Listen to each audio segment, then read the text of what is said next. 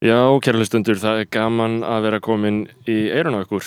Ég heiti Snorri Másson, ég er hérna rétt að kynna þennan þátt áður niður hefist handa við að hlusta á Isabellu Lenu Borgarstóttur um, hérna þar sem hún sest í ráðaniti skoðanabræðara. Þetta er mjög góð þáttur, ég hitti Isabellu í sánunni í Vesturbæðlaug fyrir skemstu, kannski fyrir tveimur að þreim dögum hún sagði hvenar ætliði að gefa ógeðslega þáttin út? Ógeðslega, sagði ég, þetta er geggjaður þáttur. Og það er hann, það er hann, hann er episkur, það er vissla framöndan, við erum að fara inn í já, tilturlega bara, já, svona með þeim betri já, eh, þáttum sem við, sem við höfum gefið út. Þeir eru náttúrulega, náttúrulega tölvöld margir og við kunum sagt að, að mjög margir séu með þeim betri þannig að það e, er allt saman skilgengatri en þetta er sannlega epíst, við erum að fara að tala um ofskinnunar sétt og e, hvernig það getur hjálpa fólki að díla við alls konar tráma. En ég ætla ekki að fjölir það um þetta, ég ætla bara að vinda mér í það sem ég gerir hérna upp að, upp að þáttar öll í öfnu, það er að Láta ykkur vita að við gerum þetta ekki í sjálfbóða vinnu, þetta er það mikið, við þurfum að framlega það mikið þáttum að það væri eiginlega ógjörningur þannig að við þurfum að halda út einhvers konar styrkja kerfi en við skiljum einnig að fólk vill ekki bara borga fyrir ekki neitt. Uh, Hugssjónirnar eru almennt ekki það sterkar í brjóstum Íslendinga sem er svo skiljanlegt þannig að við gefum ykkur, ef þú ert í áskrift þá færðu auka þátt í viku, það er mjög mikið, það er tvöðfall meira en þú farið úr ekki áskrift uh, sömulegis eru þeir þættir á öðrum toga en viðtalsætnir sem við gefum út á fastum er, sem eru ókipis og verða alltaf ókipis en já, ég ætla ekki að hafa þetta ólangt, sorry, ég er bara að segja ykkur að það er eitthvað sem borgar sér verulega að koma í áskrift þetta er uh, bara gríðarlega mikilvægt fyrirbæri. Uh, Við erum með 5 dollara, 10 dollara, 30 dollara, það getur valið, þetta kostar 600-700 kall og þá færðu allt sem þú þart en ef þú borgar aukalega 10 þá ertu sagt, eh, færið þetta á undan öllum hinnum þannig að þú erst búin að hlusta þegar lúservinniðin er ekki búin að hlusta. Og ef þú borgar 30 dollara mánuði sem margir gera þá er, er nafn þitt lesið upp í uppæðu þáttar. Eh, þetta gerum við Uh, til þess að bjóða fólki upp á skrási á spjöld-sögunar ef Ísabella Lena verður fórsættis á þarja eða forseti eða eitthvað þaðan að vera þá eh, ert þú auðvitað, kæri hlustandi ef þú ert að borga 30 dólara hluti af þessum þætti, þar að segja sko hluti af sköpunferðli þáttarins og þátturinn eru auðvitað eintóm saga. Þannig að e, þeir sem borga 30 dólara á mánuði eru eftirfarandi, það eru Andrés Jónsson Benedikt Bjarnason, Björgvin Helgi Björgvin Ívar Baldursson, Brynjar Guðmundsson, Erik Ólaf Eriksson, Geoffrey Huntington Williams, Hjörtur Páll Hjartar, Háldán Sveinsson, tónlistamæðurinn Dörb, Júl Dónöttin, Sturla Snorarsson, Nablaus Kona, Svafa Sigurðardóttir, eh, Tank City, Tindur Kárasson, X Nonni X, Ulfur Árnason og það var alltaf sumt í 30 dollara floknum. Ari Helgason er einnig hluti af þessu og er með 25 pund, ég held að það sé eitthvað í kringum 30 dollara þegar það er reiknað út. Svo eru, þetta er ekki styrkja konganir, þetta eru bara þeir sem borga 30, síðan eru við að fara inn í styrkja kongana. Eh, það er orðið svolítið flókin staða, við erum með mikla samkjöfnum það að vera styrkja konungur skoðanabara. Og eh, sá sem trónir á topnum í þessari viku er engin annar en Sindri Kamban. Það er styrkja kongur skoðanabæðara með 105 bandarækjadali á mánuði. Það ég held að það hljóti að jafngilda eitthvað í kringum 16.000 krónum sem er auðvitað fullkóla óeðlilegt. Næstur eftir honum er gamal kunnur styrkja kongur Tandri Snær Traustason með 100 dali á mánuði og það verður aðteglisvert að sjá hvort Tandri Snær takir sér til í næstu viku og bætum betur og knéseti Sindra Kampan. Áður fyrir var Tandri Snær Traustason í samkjöfni við Jóhannes Haug Jóhannesson, leikara, sem eh, er eh, ekki að styrkja núna nema bara um 31 baldarækjadal á mánuði. Ég er mig grunnar að það eh, stafi í aðra rönd af því að hann er um, hvað getur við sagt ósamála Bergþóri bróðum mínum um uh, flest allt politíst T. Guevara sáði hann um Bergþór því hitt hann í styrtuklefnum Volklas laugum fyrir skemmstu Gæti verið að það stafa því en Jóhannes Haugur verður æfinlega góðvinu þáttarins. Aðrir sem tróna á tóknum ofalega það er Stefan Daði með 50 dali á mánuði. ég veit ekki alveg hvað ég að gera í þessu einn er með 102, annar er með 100, næst er með 50 þetta er epist sitt og síðan er maður að nafni Haldur Þrastarsson sem borgar 44 norskar krónur á mánuði en mér reiknast til að það sé ekki nema um 600-700 krónur sem sé ekki nálega til að vera styrkjakongur. En ég ætla ekki að hafa þetta lengra því eruð að tröfla mig vinsanlegast, uh, hafið gaman með Ísabelu liðinu, þetta er virkilega epist sitt. Fyrir hver að bakið um að sé bróðir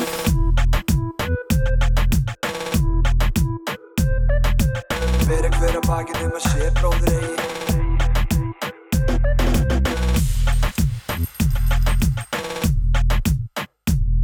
búin að, rekka uh, Við komum í loftið, Bella, þú veist að segja ég er að fara að segja miklu sjúkari hluti en síðast. Verður velkomin Ísabella Lena. Já, takk hérlega Skoðanur Ísabella Já. Hvað segir, er þetta á langt það? Uh, Ég er bara aðeins að reyna að slá að rétta strengi þetta í byrjun Já, við vorum aðeins að ræða þetta en að snorri í start sko, Fólk þá- segir, sko, þetta er við erum, við erum með þess að búin að vera, sko, beggi við erum búin að taka balskona þætti í öllu þessum Mhm. MeToo kæftæði og það er oft alltaf, þú veist, við segjum eitthvað on record skilur en alltaf fyrir, veist, fyrir upptökuna þá er verið að ræða svona stóru drættina í þessum MeToo, sko, Það það það er svona það eru menn nafngrindir og- Það er svona sannleikur undir niðri og upp á auðuborðinu, skilur, það er rosalega mikið þannig að það er svona tvískipt dæmi í gangi í samfélaginu eða hvað? Já, auðvitað er bara me tvískipt af því að þetta eru tvær mismyndi þú veist, það er annars vegar það að það er stelpa sem verður fyrir kynferðslega áreitni að það er broti á henni og síðan er einstaklingur sem gerir það annarkvort viljandi eða óviljandi þú veist, og það er ógeðslega algengt og það er oft svona gráa svæðið í þessi umræðu og sem enginn talar um, það er þetta þú veist, það er alveg hægt að gera einhverjum eitthvað án þess að fatta að maður hafi verið að gera þeim eitthvað til að þú veist það er meiða þá eða vilja eða skilur Það er náttúrulega svolítið fyndið í þessu. Það er sko að við erum með eða svona tvær uh, hindranir í þessari umræðu. Þú veist, að bara til þess að tala um að þú veist, margir eiga mjög neikvæðar kynferðislega reynslur, þú veist, stundum er það þannig bara einhver gengur um mörg, einhver svona sem fattar okkur skapaðan hlut uh, og stundum er það, þú veist það er til en það er ekki mjög algengt svona mjög deliberat um, ásetningsnöðganir Þú Einmitt. veist, það ger- gerist, þetta er glæpur sem gerist Já. mjög bara svæsin viðbjöður en það er svolítið annað en hitt skilur, það er svona Algjörlega, allt önnur, önnur samfélagsleg önnur samf samfélagsleg minnsend. En svona ef við tækjum svona venjulegt íhaldsamt svona saklausun sektir sönnuð fólk sem segja, segir þetta bara og bara það er bara þeirra cents í umræðina þau, bara, þau kom með þetta bara eins og þetta sé ennþá eitthvað Mhm. eitthvað punktur sko eða einhver sem að ræða þetta. Þau eru ennþá þar, þau skipta kynlífi bara í tvo flokka, það er bara svona gott og gilt kynlíf versus bara nöðgarinn út á götu skilur, sem Já. bara svæfirði og nöðgæði skilur einmitt. Og þú veist það er held ég hluti af veist, sem, sem mér finnst vera árangur í umræðinni ef að fólk myndi átta sig á því að þetta eru svona, þetta er svolítið lagskipt í raun og veru skilu, mm -hmm. nöðkanir eru til Já, af alls konar þú veist, og, og ég býst best afsökunar á þessar umræðu sko, en þú veist þetta er af, á ákveðinu rófi skilur já, klálega. Uh, Já, og en núna það er svo fokkin fyndi að vera ennþá bara eitthvað annarkort er þetta bara nöðgun Já. eða bara kynlíf skilur já, En það sem er búið að gera, alveg svo þú segir, það er búið að normalisera, hey, normalis normalizing stuff, Já. Það er búið að normalisera það að þarna, uh, þetta er einmitt á einhverju rófi. Eins og allt í Já. lífinu er svolítið á rófi. mér finnst ekki búið að normalisa að þetta, að þetta sé okkur rófi Já, Nei, umræðan En- en núna það er þarf að gera Já, það. ég er að segja að það Já. væri, að það væri ærið erindi Já. þá Já. ferðu að uppræta þá samfélagslega minnsend sem er þetta ofbeldi Já. Þar sem fólk skilur bara ekki mörg hvert annars og eitthvað svona. Uh, og þú veist, eins og við tölum um held í síðasta hætti með önnu Marsebill þú veist, að það er svolítið erfitt Já. þegar þú ert að segja þú veist, þegar fólk er, þegar, þegar þú fær tvö skilabóð í einu. Annað er það að þú verður að taka ábyrða gjörðingunum og hinn er það að ef þú ert nöðgari, þá ertu stóru nöðgari með einu enni, stóru enni og þú mátt ekki taka þátt í samfélagi manna mm þetta, þetta passar ekki vel saman og það er Líka enginn að fara að hlýða þessu. Já, svo líka þetta með þú veist nöðgari og manniska sem hefur nöðgat að þú veist, þetta er þetta er tvennt mismund það er svo erfitt samt að að þeir nöðgarar eru til og það eru þeir sem gera veist þessar fyrirnefndu nöðganir það sem ert bara einhvers staðar úti í húsasundi og bara nöðgar það, er, veist, það eru Þá nöðgarar færið þið lýsingar orðið. Já, þá færðu, færðu það orð en, uh, en hitt er svona já, hugsanlega eitthvað sem einhver getur þarna bara innan geðsalappa lendi að gera en Mhm. ekki einhvern veginn átt að segja á því endilega fyrir en það er orðið og seint og honum er kastað á bálvöndin sko. Já, en það er kannski líka það sem vantar í þessu umræði, það er þú veist, eða kannski ekki vantar en það er það sem vantar bara í samfélagi og það er að, að skilja að þú veist, bara svona að, að tala saman, samskipti. Og það er svo mikilvægt í samskiptum millir sérstaklega kynjana að þú veist að bara svona, ég, ég veit ekki, ég get ekki ímyndað mér að vera í þessum aðstæðum, það sem það er eitthvað svona bara svona miscommunication Já. hvernig gerist þetta, af hverju gerist þetta Ég held að við það sé- að Gaurar, gaurar eru svo taktlausir Nei, og, mm, já, sko, taktlausir, ég held að fólk sé líka bælt, sko. Já. Ég held að Já. þóri bara ekki að tjá sig, sko.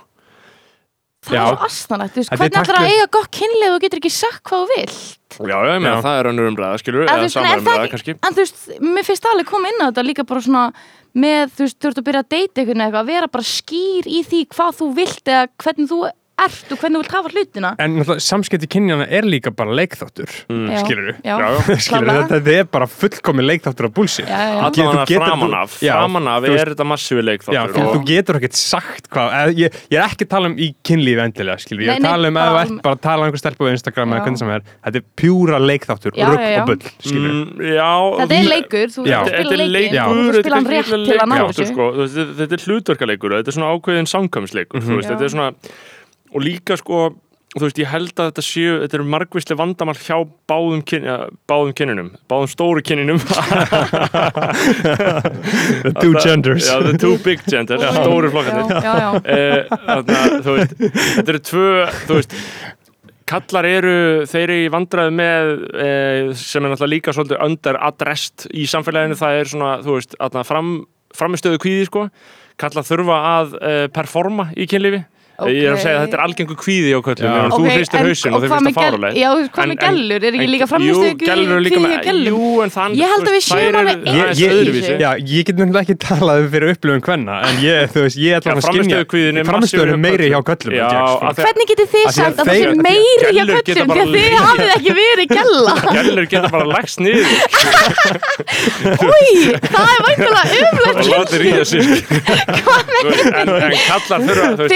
er er- eins og ennara núna sko. Nei, alls ekki, ég meina ég er bara telling liggur bara it þú is. þarft að standa Nei, en ég er að segja svona í grunnatriðum þá er almenna kynli á milli karls og konu fer almennt þannig fram að hún leggst og hann leggst onna hana á hömpast á hann ég er að segja að þetta eru Ok, það grófu er- drættinni Ok, það er ekki Eh, mín upplifun kynlífi Nei, nei, en því, ég meina, það, þú veist, odd one out í því, ég meina, þú kannski, ert, þú veist, fólk er mjög misjánt, en ég er að tala um almenna, þú veist, bre breyða, Nei, almenna hugmyndin, ekki almenna, ekki raunveruleikin ég, myndi segja að þetta væri pælingar, skilurðu. nýleg hugmynd að kallar þurfa að standa sig já, Skilurðu? ný, já, Og svona það er alltaf í gamla þetta ríðustur, en já, í, sko. í, já, í gamla Ég meina, dag þú veist, það, Já, já, Ég það er ég ég Já. ímynda mér þetta á miðöldum Já. Ég ímynda mér bara alltaf, en bara Já. púra viðstöðlaus nöðg já, ég, ég, ég ímynda mig bara, bara Gengis Khan Já, og félagar nei, bara, að líka í bara að ykkur fucking 15-14 Já, ára stelpu já, þá bara- 30 gauð Já. í Íslandingasögum þá bara já, þú veist, æ, þú veist Hann- tók hana. Já, það tala um að fíbla Hann Já. fíblaði, hann fílt Já. hana.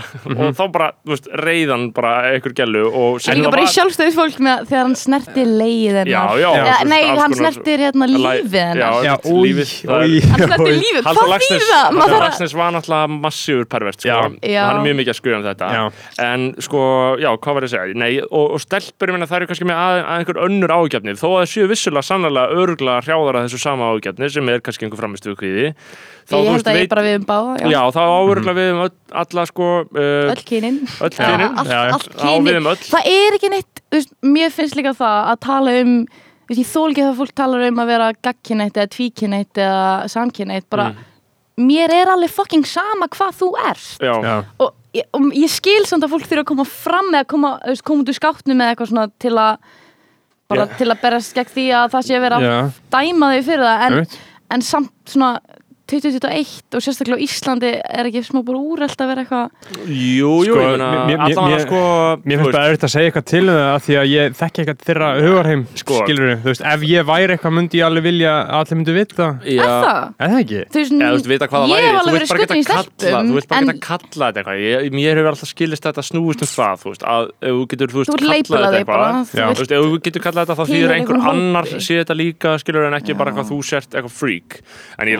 eitthvað, Já. eitthvað eitthvað ég meina allt venjulegt fólk sem trúir á nútíma samfélag, það er alveg búið að gefast upp að það vera eitthvað að velta sér upp úr í, sko, þú veist, eitthvað hvort ertu 30% gagginöður og 70% tvíkinöður eða eitthvað Já. svona eins og þetta var hérna gamla daga, skilur, menn voru svona, gamla dag ok, fyrir þá þreymur árum Já, ég kannan það, þú veist bara eitthvað, ef eitthvað tvíkinu eitthvað, já, en hvort ertu meira, skilur, Já, já, já, það var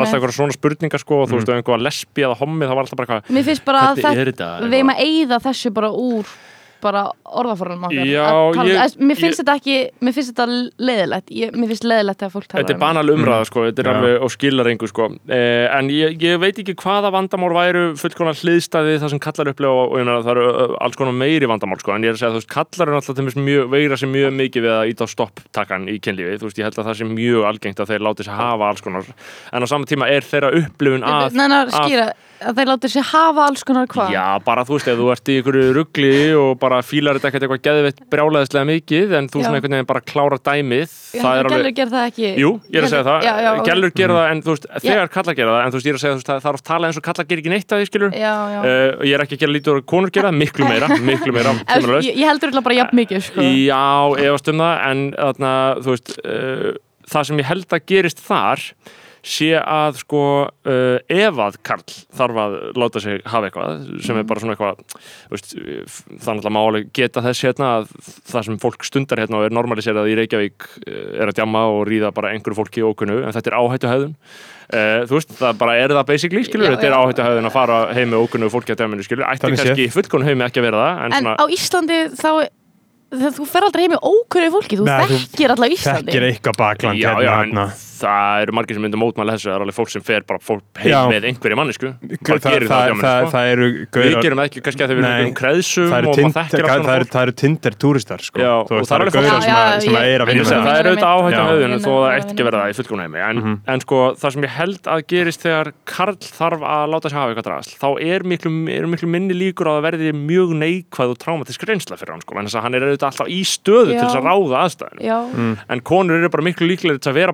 að er stöðu til þess að Mm. að að hafa stjórn á aðstæðinu af hverju er það? það er bara valda strúktúr sko. það er bara Karl er valda meir en kona í rýmum það er er það Lí- bara og, og bara líkamlegir yfirburðir d- dýrsleg ráðstöfun sko. ég held að Já. sé bara þú veist það er bara hann, Karl bara ræður ef það er Karl og konur í herbyggja, þá bara ræður hann sem í hvað gerst ef hann vill það og auðvitað Já. koma líkamlega yfirbyrðinni þar inni, ég held að það sé Mhm. líka andlegt sko. ég held að það sé bara eitthvað í okkur sko. Já, uh, náttúrunni sko. Einmitt. uh, þannig að það er áhugavert dæmi, ég var bara að reyna að greina þetta sko, hvað eh, hver eru vandamál hjá báðum kynjum? Og líka þessi samskiptavandi sem er Já. náttúrulega Og mikill en ég held að það sé ekkit endilega hægt að leysa það vel og í, það í þessum samskipti vanda líka sem að við vorum að tala um áðan sko, um leikþáttin sem við setjum upp sem er svolítið sko, áhugavert að uh, hugsa út í að karlar þurfa í 95% tilvikum alltaf að hafa uh, fyrstu samskipti. Já. Sk skil ég ekki að mér hafa frumkvæði að samskiptum í fyrstu. Sko, ég mitt af- það um þetta síðast hérna að ég, ég tengi ekki við það. Mér finnst það, og sérstaklega mér finnst ekki við hérna á Íslandi, mér finnst bara gellur allan að ég og mína vinkonur og þær stelpur sem ég umkringi með þær bara, ef þær sjá eitthvað setjan gaur þá bara þá fara þær bara að tala við hann að fara að hitta hann eða, Þa, það, það er undartekning sko. Já, það er undartekning ég veit Ég vona að þróunin sé bara í það átt að sé fleira fyrir að vera þannig. Væntalega á það bara að vera jaft það er ekkert vera þannig Sko, það að vera 95% jafnt, en skipta á að sama tíma, strákar sé að hafa sam, sam veist, á sama tímabæki og þetta er auðvitað gaggrinis gaggriniverst sko. þá er Mhm. þetta samt líka þannig að sko, ef að kallmaður getur ekki bara að tala við konu þú veist, það, þú veist, þú átt bara að geta það skilur, átt bara að gera það og konur eiga líka bara að tala við kalla skilur, já, bara segja halló Men- menn eiga bara að gera Já. dæmið skilur.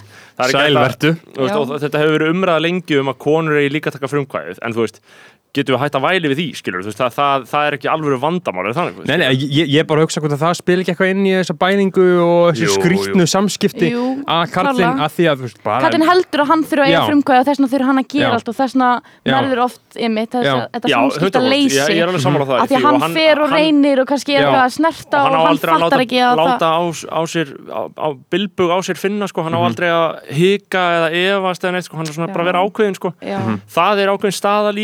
er er og ég held að hún bara valdi nöðgunum sko. þú veist, hún leiði Já. bara til nöðgana sko, Já. af því að, og allan að hafi að, að hún hafi sögulega gert það vegna þess að þú veist, það er til dælu að nýta nálinni að það sé basic að spyrja hérna áður en menn byrja bara, hejó, er ekki, eru ekki góð skilur, Er bara fersk, sem er Já. náttúrulega mjög góður varnagli til þess að hafa Já, ég sko. bara skil ekki hvernig fólk getur komið sér í þessu le- get, kunni ekki allir að lesa bara svona líkamstjáningu og hvernig fólk eða, það hlýtur að Maður vera sér skortur á bara því, hvernig sko. fólki það hlýtur greinlega að vera bara einhver landlegur skortur á því sko. Já. í alvörunni, með Það það er sem að það hlýtur að vera bara eitthvað er massíf bæling, bæling og Já. taktleysi það þarf bara, mér finnst sko að taktleysið er vandin hérna, Já. sko, að einhver leiti Já. ég held að sé bara að þú, veist, að þú sért bara búin að vera að horfa á bara 20 lítra af klámi á dag einmitt. og sért bara búin að vera að runga yfir nöðgunum Já. bara allan daginn í þrjá, bara 10-20 ár skilur og svo kemur allt í henn og hittir einhverju konu Já. og bara, já, á maður ekki bara eitthvað að gera eitthvað skilur mm -hmm. grípi hérna og hérna og- á bað og negluna Já, eða bara, veginn, eða bara ert ekkert að pæla í því bara einhverjum eðlum samskiptum með Þess einhverjum svona atlæti það þarf að innleiða þú veist, svona upplýsingar í grunnskóla, að- það þarf að vera kynfræðsla. Gera klám ólöglegt líka. Það í fyrsta bara massífa, bara ól bara massíft lögbann. Það má samt vera til erotík. Já, Þú en hún, ég veit ekki, hún ætti kannski bara að vera til á einhverjum klubbum í einhverjum neðan þeirra byrgjum skilur, og þá getur þú farið Í að skoða þeina mynd Já. skilur, bara eins og það var bara í Roaring Twenties í Berlín, skilur, þá fóst hún í einhverja kjallara, skilur það er samt, það er klám veist, þá er einhver að gera erotík, ég já, að en það sé ég bara er að, þú veist, en það, mín eitthvað kenning er par svo sem gerir eitthvað, Já, býr en til mín kenning eitthvað er svo að erotík, skástek klám, þetta getur náttúrulega, þetta eru mjög gráar línur, það Já, er mjög erfitt að skilja hvað er hvað. Eh, mín kenning er svo að vandamáli sé ekki pælingin sjálf, þetta máli þrýfast, þetta máli vera til í heiminum, vandamáli er mælirinn, vandamáli er skópið sem þetta er í núna. Er, er, er, skilurðu. auðvelda aðgengi að Já, bara hvernig þetta er núna, hvernig sko Já. neyslan er risastór bransi Mhm. og bara, þú veist, þetta er bara stóð í atvinnulífi alheims markaskerfisins. og, og, og fullkomlega sko, tengt sérstaklega í bandaríkjunum. Ég meina Kanye var creative director hjá Pornhub Awards já, já, og, veist, og, og, og, og gerði bara að bara segja, þetta er fullkomlega normaliserað dæmi veist, og ég, bara, ég væri bara í alvörunni ánæð með þann stjórnmálamann sem færi á, upp, á, upp í pontu á alþingi segi, hérna finnst mér að við ættum að grípa alltaf aðgera gegn óheftu aðgengi að klámi. Vegna þess að síðan þegar skilur börn komast í þetta á þessum ógíslu iPodum þá er það að fara að fokkin skatta heilan á sér svo Mhm. djúblega 6-7-8 ára vegna þess að það mun allir eftir við náttúrulega vorum líka í tölvum þegar við vorum krakkar að um leiðu þú færð bara Google fyrir fram þér þá er þetta bara pussy og, og það er bara bara fat pussy. Já, eitthvað og, fucking og bara alls konar eitthvað svona hræðilegt og fólk á líka traumatíska sögur að því að hafa verið að googla eitthvað svona og sína að, eh, þú veist, að komist históriðið skilur og eitthvað svona hræðilegt skilur uh, þú þú veist brosir, hefur þú lendið ykkur Uh, nei, ekki ég, ég mani allan ekki eftir að bösta sérstaklega með klám, sko, en þú veist, ég hef heyrt svona sögur, þannig að þetta er eitthvað sem, sko, börnum dettur mjög náttúrulega hug, Já. þannig að þá þarf að vera bara einhver, bara einhver algjör, bara veggur bara eitthvað, ekki sens að finna, af því það er alveg hægt að gera það þau eru sko. greinlega, maður er forvitin á svona aldri. Maður langar að vita bara maður langar að vita hvað er fokkanum er þetta, hvað er að Já. Gerast akkur, hvað er kynlíf, þú veist ég held að maður yrði óléttur ef maður kisti strák þangu til ég var, þú veist örgulega sexara, eða skilur, sem kannski er alveg eðlilegt, en þú veist af hverju ekki bara að kenna bönnum hvernig hlutinir eru hreint út strax, akkur Mm. Já, þarf að akkur þarf ekki að vera Þetta er náttúrulega stóra tabúið í lífinu, sko. passi upp á börnin, þau með ekki sjá þetta þau með ekki heyra sko. fokk, það má ekki segja þegið, það má ekki blóta fyrir fram börn Já, auðmikilegt Ég- og, og Já. ég, ég, ég, ég, ég, ég, ég, ég sammálaður, ég sammálaður Að Akkur hverju átt að vera skiptir það? Banna hennar 16 eitthvað svona kæfti Já, bara- en þú veist, að, því, að, því að, að þetta er, þetta orkar tvímælis, þú veist, að því þú ert á sama tíma og þú ert að banna alls konar sétt, þá er aðgengið alveg ótakmarkað þegar þau eru bara með internet í höndunum, sko, þú veist, þetta stoppar engin neitt á internet. en, en allir þessi netvarar og allt þetta Jú, það er alveg Er það mögulega ekki að eitthvað? virki, sko, en ég veit Æ, það ég ekki. bara þekkja ekki því að En ég sem leið og þú farið eitthvað lámast teknikunum og ferðið fram með netvara fóröldræðina, sko. Þau Já, eru- líka bara 3G, skilju, við bara gert það í síman Og þú manst heima á sér, þetta voru skrítin bötn, sko. já, já, já, já. Þú veist, þetta voru upp, upp, upprænandi Já, incels sko. þetta er allt einsels í dag, sko. já. Þarna, um, þannig að ég held að það væri gott skref af því að þetta er það sem mun fokka fólki svo rækileg upp og ég held náttúrulega líka að að þegar einhver skæði skýður mm. þegar alltaf eitthvað, fólk er að tala um eitthvað svona TikTok einheltsherferði sem einhverju menn er að grípa til og kalla fólk einhverja, mjög ljótum orðum og tala um nöðgan og eitthvað sitt Já. það er allt bara komið úr einhverju væpur sem við finnum á netinu skilur Já, þannig að ég held að það sé stort mál. Hvað voru að tala um, voru við ekki að tala um eitthvað? Jú, jú, Já, en hvað þú þurfa veist, að gerast? Ég já, veit ekki. meina, við, við, Bla. við, við, við, við sjáum bara hvað það þrjá en ég held sko einmitt að, að svolítið róti í þessu sé þessi samskipti kynjana sko, sem eru bara brenglast og þróast í enn verri stað núna en hafa nokkuð tíma gert. Allavega í gamla dag þá bara lappaði, þú veist það var þetta gert í alvöru, núna er þetta allt svona ónúansar þetta er nei eða já lengi að svara, svona digital silence skilur, allt í hérna þú bara í fimm klukkutíma að býja til svari Og og, langar til þess að skjóta þig. Þetta á snýst meðan þú allt ert- líka um fokkin samfélagsmiðla Þetta snýst allt um Já. einhvern leik innan Já. þess kerfis. Það er líka bara ógislegt ef þú ætlar, ef þú hefur áhuga okkur mannesku þáttu bara nota samfélagsmiðla til að hafa samband við hana, já. En sé bara hitt hana. Já. af því að þú veist, þú getur ekki kynst einhverjum gegn netið. Nei. Og einmitt að lámarka þann aðdraganda, þann samfélagsmiðlalega aðdraganda að fyrsta fundi sem, eins og getur Já. það er að segja sko, Já. ég held að það sé ágætt ráð að bara Já. lámarkaðu samskipti þannig að þau búin að hittast annars Klárlega. býrðu bara til eitthvað hliðaveruleika sko. Uh, og býr, skapar fors, bara, bara býr til vombriði sko. þetta er bara að skapa vombriði sko. en ég held líka einmitt að vandamáli sé þetta sko, og þetta er búið að vera erfitt í COVID líka þú veist, COVID, að þú, þú bara ferð aldrei neitt og hittir aldrei neitt óvænt sko. það er náttúrulega þannig sem hlutin er að gera sko. Já, og því þetta, þetta breytir svo mikið að það er engin núansar í þessu, alveg eins og vorum að tala um uh, áðan, uh, þú veist, bara krakkarnir sem er komin á Twitter núna og í öllu þessu Me Too dæmi, þannig að Jón Bjarni, guðurinn sem Já. allir hata þú veist, hann er bara að setja myndir af öllum sem er að gera þetta og hitta þetta og allir krakkarnir, ég er, ég er bara algjörlega í gegn, bara listen to the kids bro, bara trúið um og trista þeim, Já. en þessi krakkar hafa enga lífsreynslu, Mm. þau hafa ekki verið á gráum svæðum þau eru bara 15-16 ára Já. þau hafa aldrei þurft að taka erfiðar ákvæmnir verið í mentarskóla, háskóla einhver gerir þetta sem þau þekkja, þau eru bara svo fucking ung Já, og þau sé að stíga inn í þessa umræðu og vit ekki shit, skilur Já. það, það, það, það, er bara, ég trúi þeim og treysti þeim, skilur Já. bara listen to the kids bro, algjörlega í gegn, skilur, ég trúi á börnin.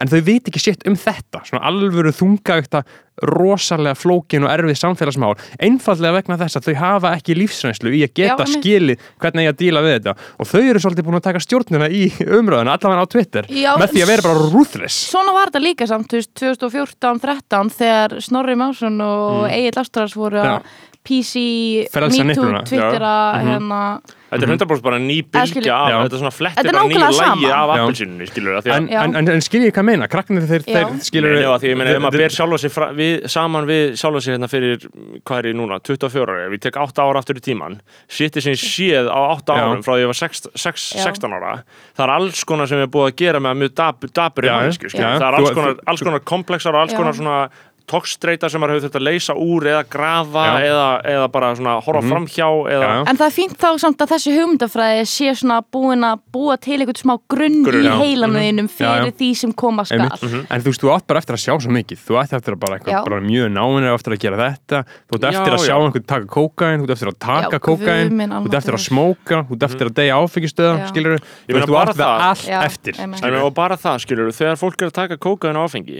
og þú verður bara einhverju fokkin ódregnlegri viðbjóðslegri og skemmt ég bara stað Já. kókain er eina er dópið sem átt ekki að fokking snerta Já. bara ekki Já, að koma ég alveg fokking sammála. álætt Já. Já. þú, þú veist, Þetta er amfetamin bara og- jó, bara ef þú vilt eiga gott líf, Já. bara hámarkaðu líkurnar á því með því að snert ekki kókaðin sko. Ég, ég, og ég ætla samt að, vatnadóp. ég ætla samt að prófa Ég ætla að prófa Ég, ég ætla að Þegar- Ég ætla að Já, gera já. þetta eftir 20 ár Já. já, já, ymmið Þegar ég verði í Kólumbíu uh, kannski eftir fjögur, fimm ár og þegar heilin er búrgali. nógu þroskað heilin er þroskað, Já. standalinu svona 27, 8, 9 ára. 100%. þá er hann full þroskað fyrir það, þá er þetta bara Já. að rífa upp þetta bókstala eðilegu framheilabörkiðin Já. og það er þar sem persónleikiðin er. Oh, þannig að þegar þú ert að bara móka í kókain þá ertu basically bara að eyða persónleikana þínum hægt og rólega Já. Bæla þig það Þetta er sko- svona skipta skoðanir um hvort að persónleikin sé framheila en þú veist, það, Já. er, það er Það er alltaf einhverja stjórnin taugar og, og, og einhverja tilfinningar þar, Já, þú veist, það er bara, þar, þar er virkni þegar við erum að taka ákvarðanir og þegar við erum að Mhm. mm útskýra hvernig við erum og eitthvað svona.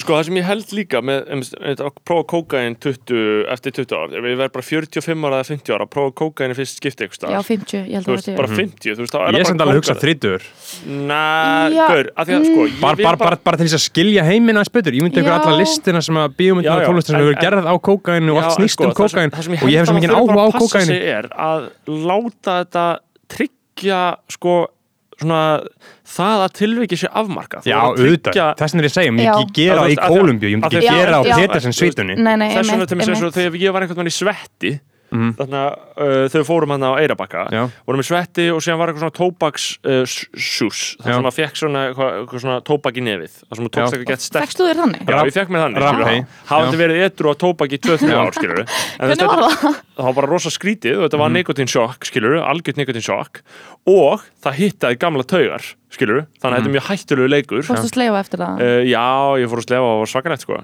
Mhm. uh, og grenja og allt. En, og þetta er svona losandi og þetta er ekkert eitthvað alveg eins og taka bara president Þetta er aðeins annað, sko. Þetta er aðeins annað, en þetta er samt sama, þetta er nikotinvíma og ég hugsaði náttúrulega þar, ok, ég er bara hérna eitthvað í svetti, í einhverjum skrítnum ringa, einhverjum köllmönnum, einhverjum bæltum köllmönnum þú veist, ég get ekki, þú veist, þetta er ekki það er ekki eins og ég sé að gera þetta í gamla fíklaumhverjunu mínu, Nei. ég er ekki að Nei. taka þetta við Nei, skrippborið mitt, ég er ekki að fá með lummu. Þú ert líka með eitthvað markmið, Að ert hann í einhverju já. svetti með vinninum og það Þannig að er eitthvað, þú ert að reyna að fá eitthvað út er það vera gert af mér í slíkum aðstæðum þannig að þetta sé Já. svona eitthvað þú veist, þannig að ég sé ekki fara að vera myndur á ánægilegu tilfinninguna í aðrum aðstæðum og finnast hún eftir Já. svona verð þar en, en, en sko enn og aftur við að lenda í því hérna í skónabræðurum að tala um kókain án þess að neittnin hafi tekið kókain já, en Skilur. núna er einhver að já, var ekki einhver að dissa okkur um, fyrir það Jú, um daginn, jú, jú. jú. Uh, sko, ég bara maður á ekki að snerta kókain af því Mhm. að þetta er, ég er bara hrætti það að þetta sé svona veist, af því að það verður svo mikið þörf í þetta Einmitt. og þú færð sjúk frákvarsinginni þegar þú búin að gera þetta í eitthvað tíma og sérstaklega þú skilir þetta við áfengi Mhm. þá næstu þú færði áfengi þá ertu bara já, Já. þú ert bara, sli, þú ert bara damn, okay. Og svo, svo er alltaf einhver sem er með kókain þannig að ef kemur ykkur, ef þú ferðin á bað og það er eitthvað að taka kókain er þetta er svo auðvelt þetta er alltaf auðvelt. Þetta, ég líti á þetta öruglega ég, ég ímynda mig bara að þetta sé nákvæmlega sama og þörfin sem ég fekk einhvern mann alltaf að ég var að, hætt, að reyna að hætta að reykja bara í eldgamla daga. Þá fór maður sérna á djammið og var hættur að reykja og svo byrjaði maður bara að falla án þess að vera búin að gera neitt maður byrjaði bara að falla í hausnum á sér og hugsa bara ok, ég get laumast hérna bara baku og fengi mér eina síkartu núna Já. inn í einhverju partíi, skilur Það er alltaf svo gaman að undibúa the relapse The relapse, Já. aðdragandinn er langt bestur Já. og hann er langt sætastur sko, af Já. því þú ert búin að leifa sjálfur að Já, falla sko. búin að samþykja þetta svo Eh, bara það er að leifa sjálfur, það er þægilega tilfinningin síðan er hitt bara eðilegging, hrein Já. og bein eðilegging sko. ég held sko þetta er eitthvað sem þú hefur ekki stjórn á þetta er svona, þú he, e- eins og bara með allar svona fíknir skilur Mm. þú, þú hefur ekki stjórn á þessu og það er svo ógeðslega ömulegt að sérstaklega þú gerir þetta á jamminu einu sinni þá ertu eiginlega búin að eiginlega jammið fyrir þér Getur að skilja verið af því að þú skilja þetta við áfengið og svo þó gerir þetta ekki strax helgin eftir þá kannski, ok, þreim mánuðum setna þá ertu aftur í ykkur svona aðstæðum og síðan verður bili á milli skiptana sem þú gerir þetta alltaf minni og minni þá getur þú byrja að gera þetta hverja helgi. Og þá er þetta eitthvað svona, æ, ég gerir þetta samt bara um helgar. Og, æ, ég veit það ekki. Ég held, Mér- já, Já, já. eins og segi, við, við þurfum náttúrulega einmitt, ég, það mér er alveg eðlileg, eðlileg gaggrinni sko að við eigum að stíga varlega alltaf jarðar í þessari umræðu en þess að ég veit bara ekki eins og hvernig tilfengið þetta er. En, Mér, tilfinningin á ekki að skipta máli. Þetta er bara en maður sér hvað þetta gerir fólk að lífeðlisfræðilega þá sko, já. verður þú sjúklega háður þessu Já. ótrúlega fljótt. Já, og, og það, það er svipað og, og nikotín en sko, ég held alveg að sé ekkert patroniserandi, eins og Beggi er að segja og gera, að segja við um þetta unga fólk að það veit ekki sitt Já. Mér, mér, mér, mér veit finnst það ekki ekki, þetta fólk veit ekki shit uh, Já, en, en það veit samt fullt skilja. Já, já. og, og það mun vita hluti sem við munum ekki skilja en, en, en þú veist Þetta, bara þau eru bara yngri en við, væntalega vita Já. þau ekkert jafn mikið eins og við nei. vitum ekki nærði jafn mikið og eitthvað fólk sem er tvisum eldri en við Nákvæmlega.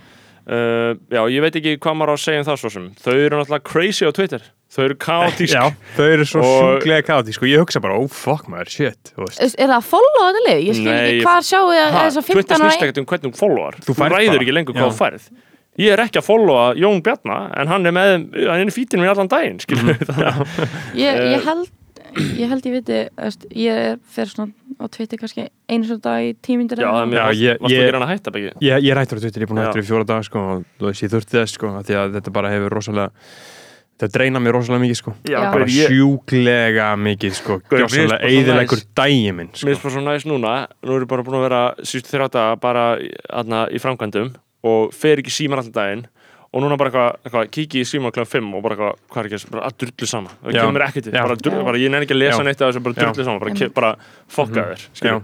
á meðan þeir eru í vinnunni og þeir eru í svona vennileg rútinu þá er þetta bara inn í hausnum á mér allan daginn bara Mhm. að fokka í mér sko. Mhm.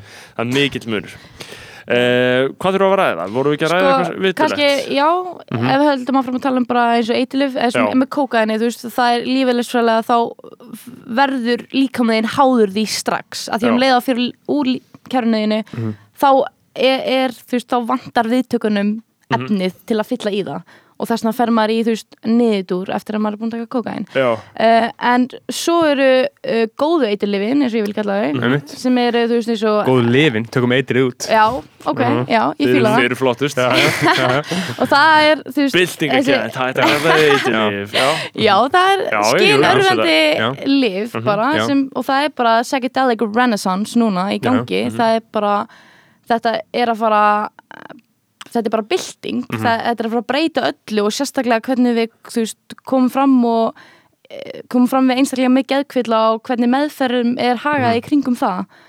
Og um, eins og sko, þegar ég fór í skiptinám til Danmörkur uh, sem ég hef núna rætt tvísasinnum komið ingað tvísasinnum til að ræða. Já, bókstala, já. Núna fáið þið full- nú- núna fáið þið full length version. Já, einmitt. Uh, þá hérna þá var ég í svona 15 eininga lokaverkefnis áfanga og þá hittast þeir sem eru í á sömu braut og ég saman og það er eitthvað svona hópavinna og maður fer að milli borða og einhver með eitthvað hugmynd og síðan veist, verða til einhverju hópar og eitthvað. Og ég hérna það var eitthvað gaur sem var bara með kynningu. Hann var bara eini gaurin sem mætti þetta og var með kynningu og hann var að tala um bara ayahuasca, psilocybin og hvernig þetta væri að breytast og, lala, og, og svo var bara að tala gæðveikt mikið og ég skildi, var alltaf orða því sem hann sagði en ég var bara vá, þessi gaur ekki að klár ég, ég fíla hann, ég ætla að vera með honum í verkefni, að því Já. ég var alltaf bara eitthvað 19 ára, allir eins og ég sagði síðast, þú veist, allir 26 ára eldri eitthvað, ég var bara svona og ég hafði aldrei skrifað eitthvað ennsku þannig að þetta var bara svona ég var bara,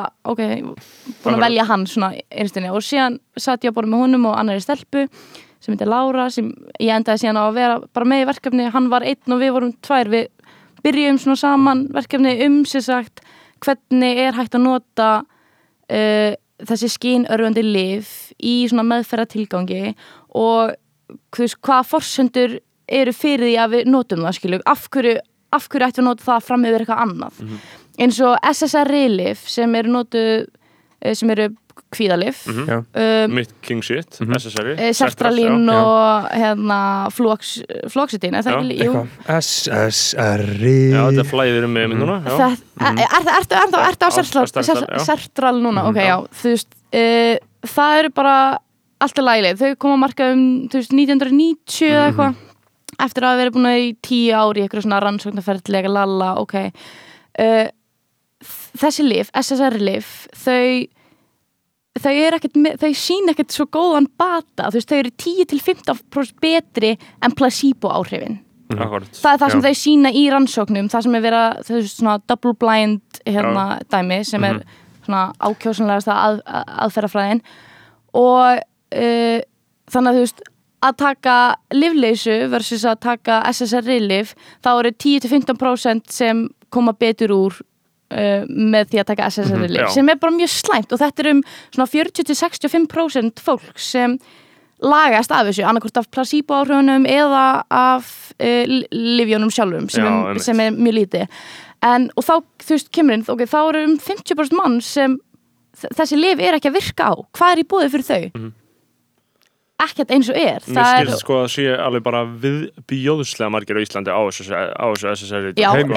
heim, Heimsmet, eða ekki? Já, ég held að sé bara Per allir capita. á þessu þetta sko. er líka fucking viðbjör vinkunum mín, Halla Mm. hún hérna, þegar hún var í nýjöndabekk þá fór hún til heimilislæknis Já, hendur og hérna bara að, hún var bara eitthvað þú veist, í nýjöndabekk, hún er Já. 14 ára eða 13 eða 14 ára Einmitt. og hún er bara eitthvað, já, já, eitthvað svona var að segja frá okkur um einkennum og heimilislæknirinn bara, já, skrifaði upp á hérna, eitthvað kvíðlif hún man ekki hvað var, hún ætlaði að koma að staði og segja mig frá það að ég var bara mér fannst þetta svo klikkað. Hún fór í einn tíma til heimilislæknis og hann er búin að skrifa upp okkur lif fyrir hana. Geðlyf. 13-14 ára. Hún er að fara á kynþroska aldurinn væntanlega. Og líka bara hannað, af hverju að mér er svo ógæslegt að sé verið að bara dæla ykkur um livjum í fólk. Já. En svo kemur líka þú veist eins og við tala um aðan með am- Læknar, am- íslenski læknar eru basically bara eitthvað Please, neina bara fara svertal já, einmitt. þeir segja þetta bókstara bara Viltu bara fara svertal bara en svo er það eins og ser, ser, sertral Mm. ég hérna var í uh, klíniskri barnasólfræði núna og þá voru ég að lesa um alla geðkvillina í börnum og svona og sertral uh, þegar börnur er látin á sertral þá þarf að gæta mjög vel að bara að þeim af því að það eru þú veist aukna líkur á svona sjálfsvís hugsunum og eitthvað þegar börn taka ser, sertral Já, börn. Pælið í því. Já. bara þannig að það er verið að láta börn fá þetta lif og þau vilja drepa sig út af því. Mm. Það er ekki algengt Já, nei, nei, nei, það, það er ekki algengt. En, en, gerst. en það já, Mhm. það Það hefur getur gerst, já, já, jú, jú, jú, það er náttúrulega ekki gott. Nei, það En- er umulegt og það sko- er hræðilegt af hverju ættum við að setja ykkur lif í börnun okkar En heldur þú sem- þá að sé mögulegur kostur í því bara þá að, að skoða þessi hinlif sem hafa Sko, sögulega síðan verið álitin og náttúrulega síðan hérna ég var um að skrifa verkefnum um daginn uh, í einum áfanga það sem ég var að bara gera einhvern veginn skil á þessu og þá var ég að einblýna á þú veist, PTSD og MDMA og það er svona það sem er komið lengst í þessu svona ferli til þess að leiði þetta í gegnum FDA þú veist, þetta er komin á þriðja stig sem þið er að búa að gera þú veist, fyrsta stig er eitthvað svona þá máttur bara vera með tíu einstaklinga já. Þriðasti eru mjög stóra rannsóknir. Já, mm annar stegi þá ertu komin í 100-200 einstaklinga og núna er, er verið að klára rannsóknir og skýslur uh, og þá gerir ráð fyrir 500 til 1000 eða meira, skilju, af fólki uh, sem er að taka þetta. Og þetta er hérna þetta er sem sagt þetta er meðferð þar sem þú ferð og hittir sálfræðing og bara, og sálfræðing, þetta er bara eins og sálfræði tími og þið undur talið saman sálfræðingurinn, þú veist bara þið læri hvort annað eða þið þekkja Já. kynnist Já, og Hann fattar aðeins hvar vandin liggur kannski að einhver leiti. Uh, síðan kannski eftir nokkra tíma af sálfræði viðtalstímum þá hérna þá ferðu í veist, meðferðina sjálf, eða skilju, það sem er verið að beita efninu. Og það er í veist, stjórnum aðstæðum það sem að það er búið að koma þér mjög vel fyrir þú ert búin að vera þarna áður veist, það er búið að aðlaða því að þessu umhverfi. Og það er kannski bara herbyggi sem er með fyllt af púðum og kottum og bara listverkum og það er kannski bara eitthvað að þú getur fara að mála eða teikna og það er bara róleg tónlist. Og þú ert með sálfrænginu með þér og lækni. Allan í þessum enna, aðstæðum þar sem, sem ég hef verið að uh, lesa og skrifa um. Hljóma mjög örutt og þægilega. Já, emitt, og það er líka búið þig fyrir inntöku efnisins. Þannig að þú veist nákvæmlega hvað þú ert að fara út í. Þú veist hvernig, hvað er að gerast. Ok, það er bara, þú kannski myndu sjá eitthvað, kannski ekki. Kannski myndu finna fyrir miklum kvíðatilfinningu en þú verður bara að skilja að uh, þú hefur stjórn á þessu þetta er, þú veist, Og og það, það er verið að undirbúa fólk bara svona hugræn, eða hugrænt vera að undirbúa þau bara svona fyrir því að taka efni. Ok, og svo eins og í, með PTSD þú veist, þá fáðu MDMA og MDMA það uh, sko minkar losun oxytocins í, á svæði heilinum sem er þú veist svona kvíða kvíðahormónið. Já. Já. og það er talið, það eru hugmyndir um að það sé ástæðan fyrir því að fólk að svona varnaveggurinn dettur niður og fólk Já. getur talað um Þú tilfinningi getur raunverulega horst í augu við Já, einmitt, og það er líka svolítið það bara að, að fá, ná að tjá Mhm. sig og að ná að tjá sig án þess að upplifa kvíðatilfinningar sem, Og skömmina sem er skilirt við ástæðuna fyrir því að þú sért með áfallastyrturöskun Mhm, eða PTSD um, og þetta er gert einu sinni til þrísasinnum það fer bara eftir hvað uh, skjólstæðingurinn er tilbúin í þú veist, hann er kannski búin að gera þetta einu sinni og bara já, þetta var gæt næs og svo er þetta kannski gert aftur eftir mánuð. Uh, og svo þar á eftir, eftir mánuð eftir það. Um, og max þrísasinnum og þetta, þú veist fólk með hérna svona kvíða fyrir dauða eða skil bara eins og krabbaminn sjúklingar sem eru bara, já, bara þú ert að deyja eftir sex mánuði, skilju, og þú upplifir væntalega mjög mikið kvíða í samvættu það. Einstaklega eins og þau sem fara í þessar meðferðir, það reyndar þau voru sett í svona psilocybin en þetta er sa sama, þú veist, sumi aðstæður og svona sama konseptið að þau bara þetta er bara, þeim finnst þetta bara æðislegt og þau eru bara, ég sé tilgangin í lífinu og þeim er alveg sama þá þau sé að deyja.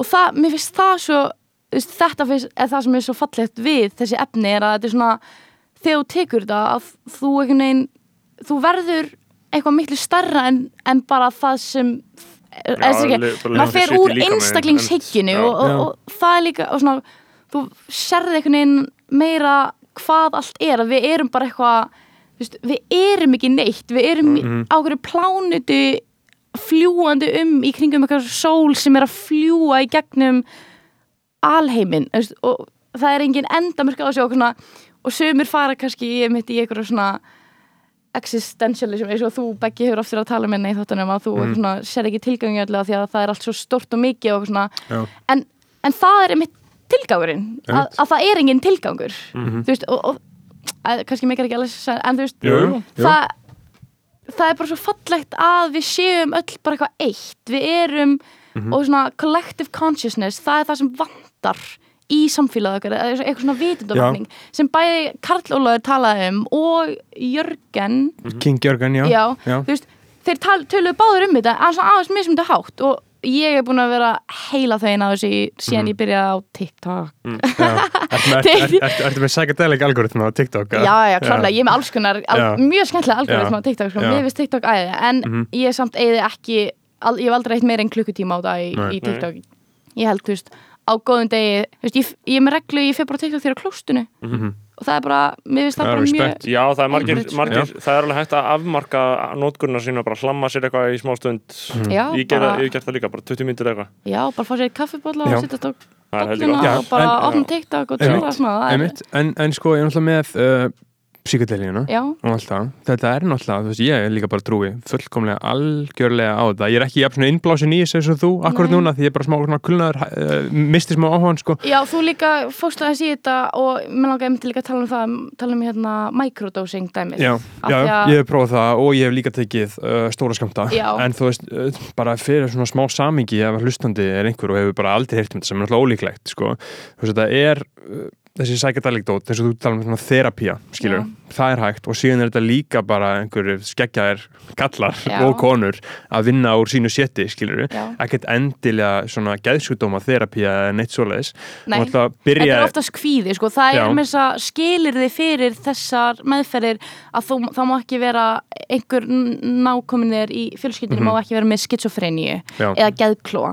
Eða geðklóa þú veist, af því að við erum ekki komin á það steg að við getum verið að skoða þessi áhrif Mhm. á þá kvilla Já. en já, Já, og náttúrulega uh, 60s í bandarækjunum hippatíngumbilið, þá náttúrulega verður þetta svona svolítið mainstream og verður vinsælt með Timothy Leary í Harvard Já. sem er að gefa Já, og hann, einmitt, og þú veist, og Beatlarnir og Stones og Grateful Dead og allt þetta stendur fyrir þetta, þetta er bara svona flower power, skilur Mhm. og síðan er náttúrulega um, mótöflin, skilur mótöflin og mót þessu, bara er bara það ógeðslegasta sem til er í heiminum Ronald vel Reagan, Nixon áróður. Ronald Reagan, Já. Nixon, nýfrálsíkju Margaret Thatcher, Einmitt. viðbjóðslegustu öll mannkynsögunar bara kapitalismin Já. að El veist, hann er á móti þessu skilur, Þa, það er hann sem að rattfokkar þetta. Og sem hún nefndir þarna Timothy Leary sem var prófessor í Harvard og var að rannsaka þetta rosalega mikið en málega bara hann, já, hann var samt ekki að rannsaka þetta já, rosalega mikið hann var kúk skilur, hann Ha- peppaði yfir sig Já, veist. líka því að þú veist, hann var ekki með leiðið til að gera þetta Mhm. og að hann samt var hann einblindi á set og setting Einmitt. sem eru svona tvö líkilorð í þessari meðferð.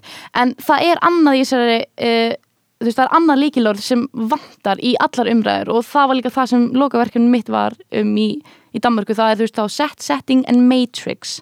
Set Mm. er mindsetið þitt. Það er bara svona undirliggjandi bara líffræðilegur uh, persónulegur, bara svona Aldur og fyrir störf. já, bara hver þú ert og hvern, hvort þú sér tilbúin í þetta síðan er það setting, það er aðstæðinu sem, sem þú ert í veist, og það er ástæðan fyrir að það eru kottar og púðar og listaverkana í veist, þessum meðferðar aðst, aðstæðum skilu, það er bara til að gera þetta þannig að þér líði vel.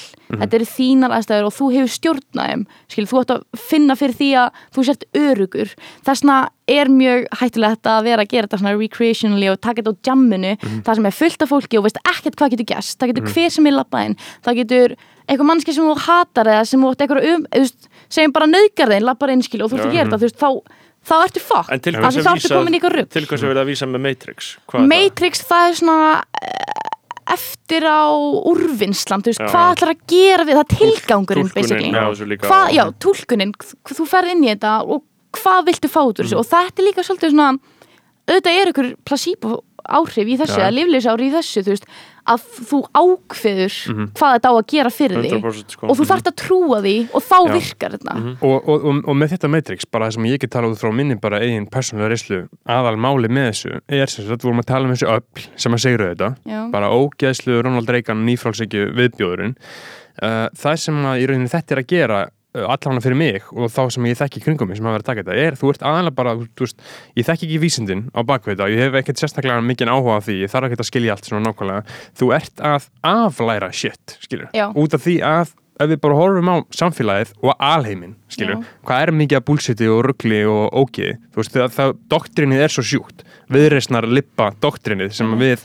höfum bara verið að láta fucking feed okkur á í skólakerfinu og af fóröldrum okkar og af öllu bara samfélaginu, skilur no disrespect á allt það, skilur en þú veist En- bara en samt disrespect á það. Ja, skilur bara, ég, ég var aðal tala um fóröldarna skilur, veist, bara rí, ríkjandi hugmyndir skilur, já. bara hvernig maður á að lifa lífinu og akkurat núna er það bara undir uh, Ronald Reagan uh, áhrifunum, Einmitt. bara að Einmitt. bara að framleiða, græða pening, kaupa nýjan bíl búa til meiri hluti já, fyrir ruslahjóna og það sem að þú svolítið gerir uh, allavega að minni reynslu og með að vinum mínum sem ég hef gert þetta með og í kringum og allt svona, er að þú svolítið aflærir þetta, Já. þú fattar bara svona, já ok, þetta, þetta, er bullshit þú veist, það, mér finnst það svolítið vera meira þú ert að aflæra shit Já. en að læra og með því ertu í rauninni að læra Já, ég er með mjög góða myndlíkingu til að skýra þetta veist, og ég sá þetta í einhverjum þætti um með mitt silosæpina, þá er að tala um að ég myndi að sért með bara sem Arnarhól og það er snjór og Mhm. þú renniði niður á bara snjóþötu og þú renniði aftur niður á snjóþötu og þú veist, og þú ert búin að búa til bara þennan eina veg niður Já. Arnarhólin Já. en að, og svo að taka svona einhver skínurund efni og gera það rétt og með rétta mindseti og í réttum Mhm. aðstæðum og með rétta markmiði að þá er eins og að sé, þú veist nýfallin snjór ofan á Arnarhóla og þú getur farið allar þessi nýju Akkurat. leiðir veist, það opnast einhvern veginn fyrir þér bara svona nýr hugar heimur Mhm. og þú veist, eins og í Danmörku þegar hann var að pitcha sér hugmynd þú veist, við vorum á þessu hérna, workshop borðið skilur að preppa þetta og þá hérna þá var ég bara eitthvað er ekki fokkið lægi með ykkur eða? Væntalega bara ég er ekki að fara að snerta sveppi. Bara að því að það er búið að segja við mann allt manns líf bara ef þú tekur sveppi þá verður þið klikk ef þú tekur sveppi þá ertu að að hoppa niður á hótelinu. hoppa niður á smáralind. Já, eða hérna Radisson hótelinu, Já, já, já, já. bara, veist, það, er- það er búið bara svona eh, print eða bara heila þó Mhm. okkur af því að þetta sé bara synd og þú eigir ekki Mhm. að snert þetta þetta sé stór hættuleg og þetta muni ruggla upp bara öllu sem þú ert og gera veruleika fyrir það sem þetta getur gert Mhm. Ú, ja, en, ef þú ert ekki með rétt mindset Já. setting, og, í réttum aðstæðum og með rétt markmið og aðalega að þetta ógnar ríkjandi hugmyndum þetta, Já, ógnar, því, þetta ógnar því hvað fokking framleyslu uh, Einmitt. fokking nokko neyslu hagkerfið er ógislegt skilur bara þú svona svolítið uh, þú veist þetta, þetta er bara ógnar Já. því fattur Já. að því ef þú gerir þetta ekki þá heldur þú bara áfram að fokking snúa hjólum atvinnulífsins skilur og bara lifa í himnaríki Halldórs En maður Benjamins veltir fyrir sér sko líka mitt sko, þú veist, ég meina og, og, og, og hvert er þá skilur, hvert er loka takmarki ef maður skilur reynir að byrja að vinda ofan af svona skadlegum hugmyndum sem við Mhm. höfum okkur höf, hafa verið innrættar sem eru sannarlega skadlegar Já, en, Eh, en það er alveg eru svona x langt sem maður á á að sér. ganga. Já, ég er að segja, það er svona x langt sem maður gengur mm bara án þess að segja sig úr samfélagi manna við vitum það auðvitað. Uh, og ég held alveg einmitt að, að, sko, að þessi vandrataði millivegur sem er svo sem ekkert vandrataður ég held að flesti skinsamir geti einfallega bara átt að segja á því hvar mörkin liggja. Maður er alltaf að, þú veist, að því að allt fólk sem breytir samfélaginu sínu einhvern hátt það svona verður að þekkja svona hvar þú getur ítt, skilur mm sumstaðar getur það bara ekki, sumstaðar bara fer alltaf kvolf og gerir það Uh, og það er svona disruptive þarna, breytingar, Sum- stundum verða þær og það er þurfalega, það eru líka svolítið að verða til dæmis núna með MeToo-dóminu, svona og fólk sumir bara verða undir rútunni sem keiri bara í gegn, skilur og það er bara 100% svona einhvern og stund, stundu þarf þetta og það er já, casualties of war. Og, og, en, en það er svona áhugavert einmitt að hugsa til þess einmitt með þessi lif Já hvernig, sko, hver, líka hvort að þau ná að olbúa sig inn í hefð formlega samfélag en þess að ég ímynda mér samt alveg líka á sama tíma og við kannski höldum að þetta sé ekkert sérstaklega mainstream, þú veist, að þetta sé að verða svolítið, ég meina, þú gætir alveg verið að segja þetta í Gísla Martinu og Gísli væri bara eitthvað Já. já ok, ein, ein, skilur ein, ein, eins og það En fyrir meina- 20 árum þá bara hefði þetta kannski verið bara eitthvað, Mhm. ok, þú veist, þessi hérna manneskja er farin út á sporinu, þú veist, Já. þá hefði ykkur verið að segja slíkt, skilja, núna er þetta komið út með fígur eins og Joe Rogan sem eru bara, þú veist, að bara hlusta allir á hann og það er bara ógslag mikilvægur bandarísku þjóðfælisumræði uh, og hann er meira að kapitalisti, skilur þannig að hann passa sig að vera rétt með einn þar. Já, já. Einmitt. en Það hann er er, líka svo, hann er með svo mikið af fokkin pyrrandi skoðan já, hann er Ömurlega skoðanir, ég er sko. eiginlega ekki sammálunum um neitt, sko, en Ég hef ekki hlusta mikið á hann sko, ég hef einn og einn þátt og Nei, þá hefur það einmitt oftast verið um eitthvað sem tengist silosæpunum Já, hann, hann er rosalegur svona talsmaður svona Já, þannig að þetta er komið inn í mainstream sömröðin en það er bara spurning, þú hvaðan við tökum þetta þaðan,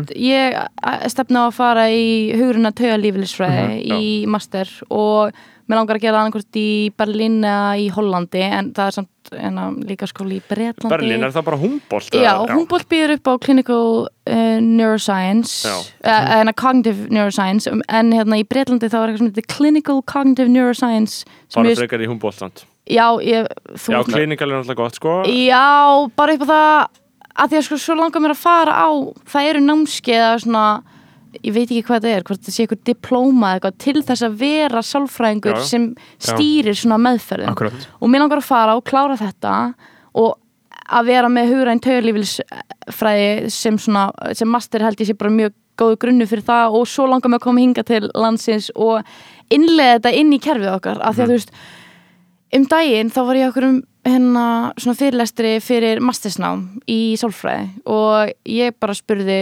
bara blatantly bara eitthvað hérna, hafið þið eitthvað verið hugað í Já. hvernig og hvort að það sé hægt að upplýsingar um bara svona þetta, þessi nýju lif eins og MDMA og psilocybin og, og áhrif þess á að því að, já, og svo líka það að ég var að tala um Það kom bara tveir menn og fylgdi þér út Nei, þau voru bara her. Þau voru bara eitthvað, Ég sagði eitthvað, hérna má ég spyrja spurningu? Hún eitthvað, já, þú veist bara það er upptaka. Og ég var bara, uh, ok. Mhm. Og svo sagði ég þetta bara Og, og þau eitthvað svona Já, þau svona eiginlega hlóu bara svolítið af mér. Þau voru bara svona þig. bara, já, Já. þau voru bara Já, þetta, það er ekkit Rannsóknir eru ekki komnar svo langt í þessu. Ég var bara svona Þú veist ekki neitt. Fá- Hefur þú kynnti rannsóknar á þessu? Leið hefur kynntir rannsóknar í öðru lagi væri þá ekki áhugavert að rannsaka þetta. Einmitt. Skilurðu? Fokkin bældu kviðinu aumingja. Einmitt, en það er samt Fokkin hópur bitches. það er einhver Já. hópur inn á landi sem er búin að vera að sækja um Harald, leifi Haraldur Erlendsson sem að fór til já, Sölva. Já, ég hlustaði mitt á þann Já, þá það. Hvað sagði hann þar? Hva, hva, hvaða veggi hefur hann verið að hitta þetta Íslandi? hann var að segja það bara hann var að segja þetta að öll þessi SSR, SSR lif og Já. bara geðlifja geðlæknisfræðin í dag væri bara er þið úrelt eftir fjör til fimm Já, ár Já, en- hann sagði bara eftir fimm ár þá verður þetta þá er þetta bara nýja normið Já. djúðlega það fyndið Mhm. að ég meina auðvitað, lífið er lígi, skilur Já, já. kapitalismin er lígi, skilur það er Já. bara auglýsingar herfyrir eru búin að vera að selja okkur lígi allan þannig tíma og núna, þú veist tökum bara svona dæmi, me too-ið, skilur þetta væri ekki hægt nema fólk hefði allt í enn rött núna skilur, ímyndu ykkur hvernig þetta væri gerst hvernig þetta væri gert ef að fólk hefði ekki samfélagsmiðla til að kolla út svona shit.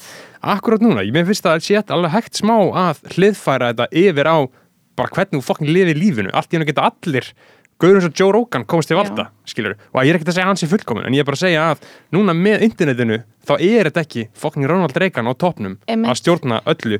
Bara, það er auðvitað brútali meðstýrt powerful vald í heiminum en ég er bara að segja að veist, það er aðeins auðveldar að fara einmitt eins og tala um á Arnar já. hinn er leiðina því, hliðin sko. af, af hérna góða hliðin bara að Já, sam, já. samfélagsmiðlum Já, og það er 100% þetta, þú veist, eins og ég var að segja hann, bara svona collective consciousness þú veist, við svona munum við kollekta, mm svona verðum við að einu. Já. með því að geta verið í beinu sambandi við einstaklinga hvaðan æfa að úr heiminum sem, Já, já. og það er bara er magna Já, Já, ég held líka að, að veist, það sé alveg rétt að þú veist, þú ert með stóra miðstýravaldi, þú ert með stóru fjölmiðlana sem segja okkur á hverjum degi hvað er að gerast, skilur þú skilgreina hvað er að gerast, sko. Já, bara mokkin lígur ekki. Uh, og, og þarna uh, síðan ertu með svona eitthvað svona einhverja hliðunum sem trublar aðeins inn í Já. þetta, skilur, og ég held að veist, og líka bara til dæmis það að Sölvi Tryggvason hafi fengið svona vi- orðið svona vinsætt hlaðarpari er að hann er með einmitt svona hliðar skoðanir að Já. hann hefur verið með svona umræður um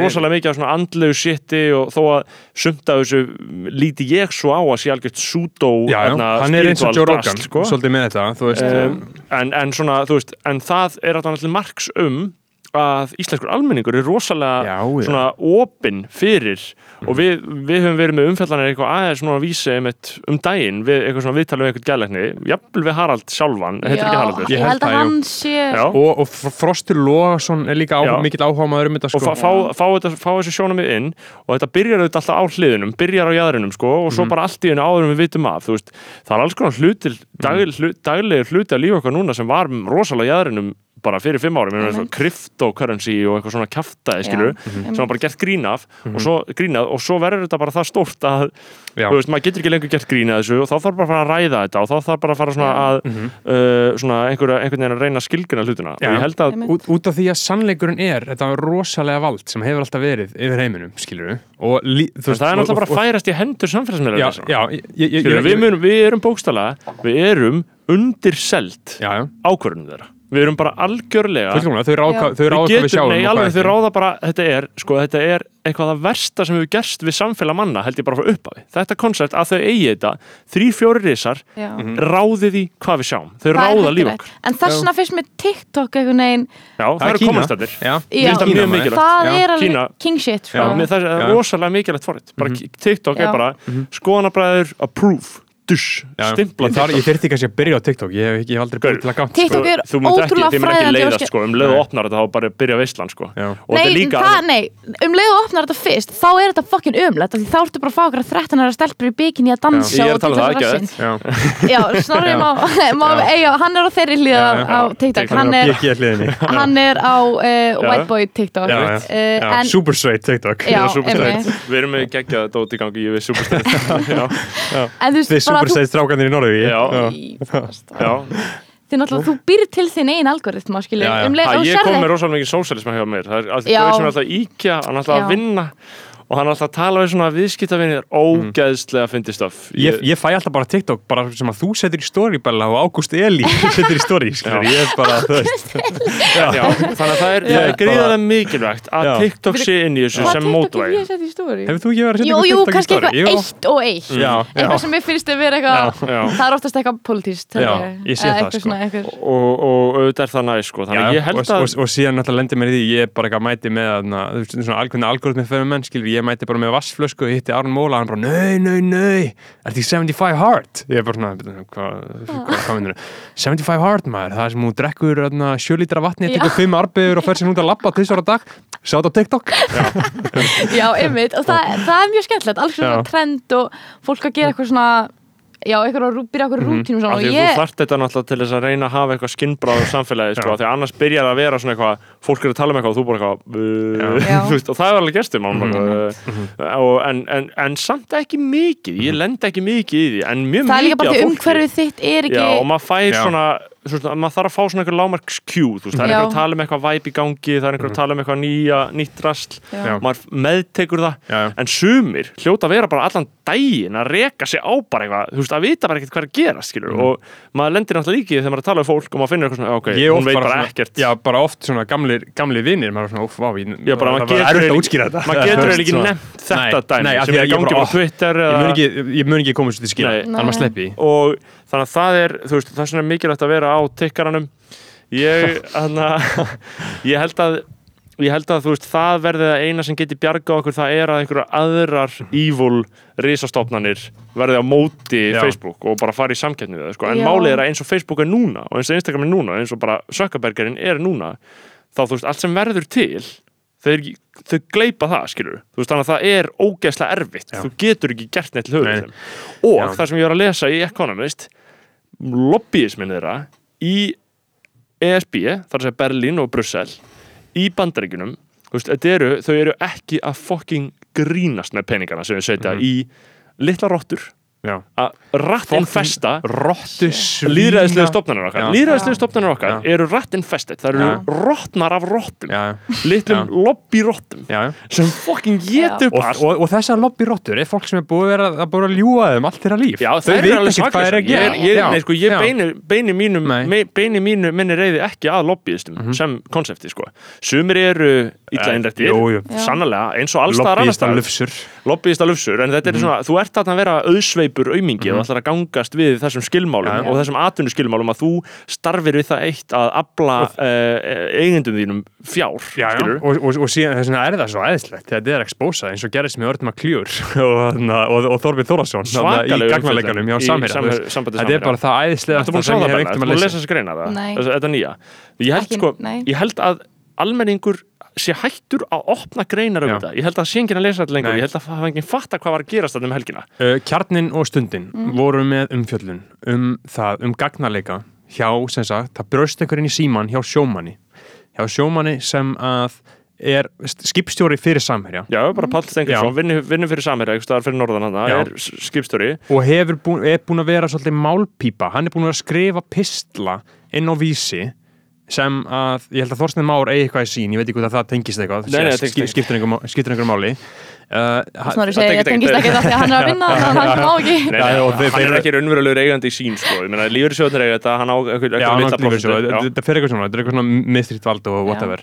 Uh, en hann geti byrt þetta hvað sem er. Þetta kemur vísi ekkert við. Já, hann getur byrkt eitthvað, svo, ok, ok, höfum þannig En það, fólk- það, það er einlega þannig sko, Já, já, hann getur byrkt eitthvað vísir er bara stærsti Snorri, skoðan já, já ég, ég er svolítið einlega, ég er Ok, heill í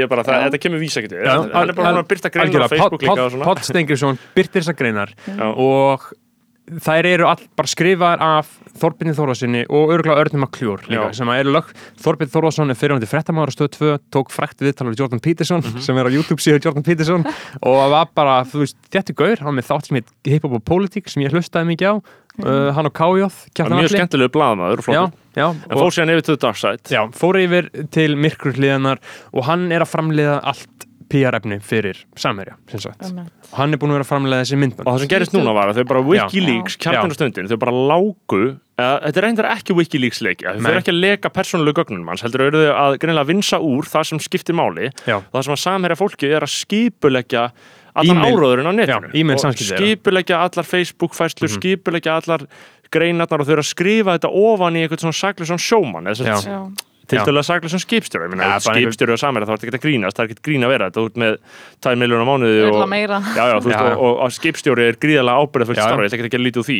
En ég er að segja, þau eru samt að setja, setja þetta til svona venjulegs fólk sem er ekki í jakkafötum alltaf, skilur Já. þannig að þetta komi eins og þetta komi svolítið frá Þau þurfa bara einhver dark, einhver, græsrótinni einhver dark night. og komi svona frá fólkin landinu að einhver leiti og Þorbjörn Þórðarsson er bara að maður getur séð þessum gögnunum að hann skrifar eiginlega hvert einasta orð ofan í gaurin sko. Já. og hann er bara ekki stóri í jakkafötum í lögmannafötum og þetta er svo svakalegt að sjá þetta, þetta Mm, já. er svakalegt Æðislegt, sko. og saman hvað hver segir um hvernig þau öfluðu þessum- hvernig þau öfluðu þessara gagna ég meina það var bara, þau fengu þessu gagn bara Já, sent, og kjar, skilurðu? kjar, kjarni var með góða útskýringu, Já. bara, veist, við bara töldum þetta varða almanna hagsmuni. bara hvernig þau skipulegja sína árásir á Út- þetta snýst í raun og vera Já. allt um árásir á þetta að gera.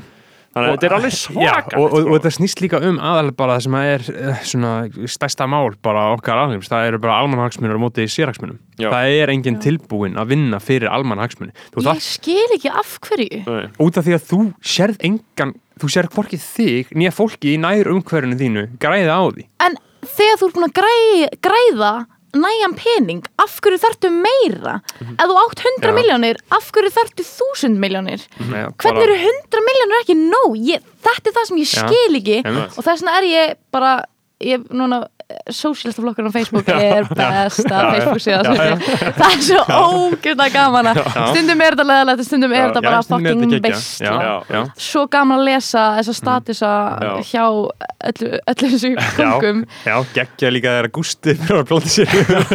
Hann postaði einhverjum strætó um daginn og fekk alveg einhvern 20-30 kommenta á það sko. Það er náttúrulega eitthvað ógæslega fyndin, þú veist, Mhm. það er 100% samfélagsbreyting, það sem að fólk hefur svona einhvern veginn, þú veist, þetta er eiginlega einhver leiti funksjónar þetta ekkert ólíkt bara fjölmiðli, en þess að hann er tem- svo oft verið að taka, þú veist, ég er inn í Sósættaflokks Facebook-hóknum og ég sé allt sem kemur inn. Þannig er að taka oft sko frétti dagsins og eitthvað svona tíðindi og verið að setja allt annað samhengi, og svona allt annað samhengi að bara verið að eitthvað allt annað um það. Jöp. bara alveg á kvolfi við það sem við verið að segja í annarkvæmt viðtölum eða eitthvað svona. Og bara eitthvað svona, já, hérna er öllu snúað á kvolf svona er þetta, svona er þetta, svona, svona eitthvað já, sko. held að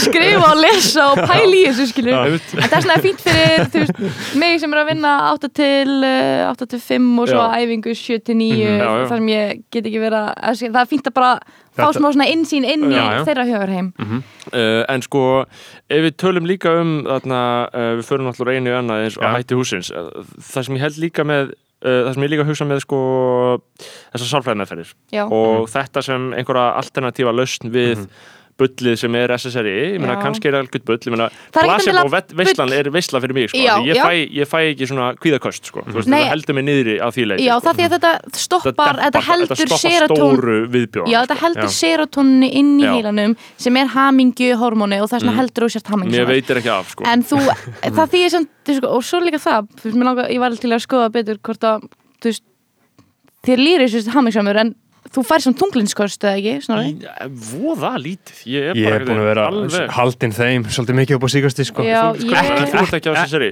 Nei, ég hef aldrei tekið neinn, Nei. ég, ég hef tekið Parkvöldin Forte Já. en Já. þú veist, aldrei neinn önnulið, það er alltaf þú veist. Já, En, en, ég hef aldrei tekið svona sko, þetta, ég er bara, þú veist, mjög stabíl almennt Já. Svona það er bara frábært, þá veist, er þetta, þá virkar það bara fyrir hefur þig bara verið bara, þetta er bara algjör snild fyrir Já. mig, sko Fyrir aðra, þeir hafa bara orðið mjög skrýtnir Já, sko einmitt. Mér, mér langar líka að segja, þú veist, í sambandi við sko, þessi skínörfundi efni og Mhm. þessar meðferðir að þetta, sko þetta er ekki lif í því samingi þetta er tól, Mhm. þú veist, í, að því þú tekur bara efnið á meðan þú ert í meðferða aðstæðunum þú farið aldrei eitthvað livsseil heim og ert að taka þetta sjálfur sem er líka svo hættilegt að þannig verða fíknir til og þú veist, Mhm. þess vegna er læknadóp þú veist, eða eins og Parkotín Forte og, og Sanax og svona Perky. bara stór hættulegt af því að þá er einstaklingurinn sem er að stjórna skömmtunni þá Já. er engin svona þú veist, þá er ekki nóg mikið umfæðist þá er ekki verið að halda nóg vel utan um einstaklingin Nei. en þegar þetta er gert bara í þessum aðstæðum í þessum meðferða aðstæðum þá er þetta að hafa svo góð stjórn á þessu og þessna þarf ekki endilega eitthvað að löglega þessi, efni þannig að þetta sé hægt að þannig að sé hægt að fara á jammið og kaupa þetta gett lettilega, þannig að það er bara hægt að kaupa þetta mjög lettilega mm. en Þetta er bara löglega þetta í mjög klí, afmörkum klíniskun tilgangi. Já, og og, og það eru fullt af efni sem eru lögleit í afmörkum klíniskun tilgangi og það er ekkert auðvelt fyrir mig að fá þau vegna þess. Nei, nei, Þú veist, það er alveg hægt að hefta aðgengi verulega. Já, en svo náttúrulega eins og með psilocybin, þetta bara Já, þetta vex vex hérna út bara um út allt, í maður getur bara farið til í náttúra öskilina að tína og svo getur þú bara átt eitthvað epíska stund Mhm. ef þú ert nú undirbúin fyrir það. Um, líka annað með hérna þessa síkadelju, uh, þú veist, og lobbyisma og það er svona það sem núna á næstu árum, það er svona þá sér, erum við að fara að sjá breytingar þú veist, eru lobbyistinir fyrir SSRI fyrir stórfyrirtækin, Big Pharma eru þau að fara að ná að bæla þetta niður? Eða eru þau að fara að eigna já. sér þetta? Alltaf þau, þau að græða, er þetta kapital skilur, hvert verður verður nýtt stórfyrirtæki er nýtt Big. Pharma sem er Psychedelia Big Pharma, þú veist, og mér finnst það svolítið svona hættulegt og ég svolítið hrætt við þá þróun, Já, En, við, við sko það við, er við, kannski óhjákvæmilegt Já, við getum ekki gert. nei, við getum ekki komist að þessu nema að þú veist að við Nei. komum á kommunisma í leiðinni skilur, þú veist, við, við þurfum það þess vegna þurfum við Big Pharma í Já. þetta líka sem er rosalega sorgulegt en þú veist, það er bara svolítið stærandi vinna og ástæðan af hverju af sko hverju samt að því að þeir eru bara með fokking eins og samherja leikinn, skilur þeir eru bara með fokking kolkrabba sem að fokking smegir sig inn í hvernig einasta krók og kema samfélagsins Já. og ræður hvernig við lifum, skilur sko, já, út af en peningunum, skilur og og þessna einmitt vilja þau halda í sig SSRI Já. af því það er kapital, af því þú ert að kaupa nýjan læknar, nei, livjaskamt í hverju mánu eða þryggja mm. mánuða fresti með, þú veist, hérna skínuröndi efni Já, ástæðan ekki, þau, taka, út- þau, þau vilja ekki bara taka þér einu sinni, þau vilja fá því subscription based service Já, það sem er hræðilegt, af því að þú átt að geta tekið þetta bara einu sinni og það eru rannsóknir sem er, sína, þú veist, þetta hefur alltaf 12 til 18 mána virk, eða, þú veist, áhrif á fólk. Mhm. þannig að fólk sem er í bara ofsa þunglind og er búin að fara í gegnum alls konar þunglindsmeðferðir og Mhm. ekkert virkar bara, þú veist, SSRI-lif hugurna atvilsmeðferð og þú veist, EMDR eye desensitization movement eitthvað mhm. uh, sem er fó.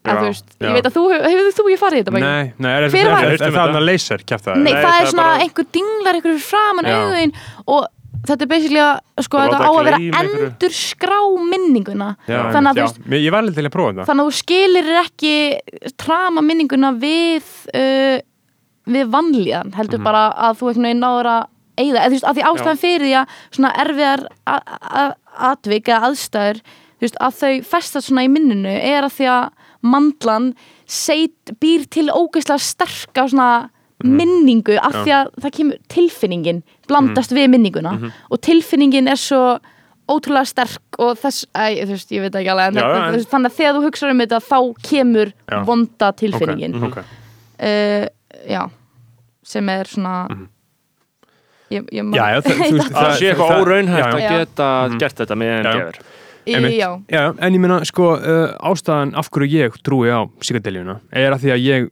trúi á uh, talmeðferð hjá sálfræðingi. já, Það er bara það sem ég held að hver einasta manneskja þarf að gera.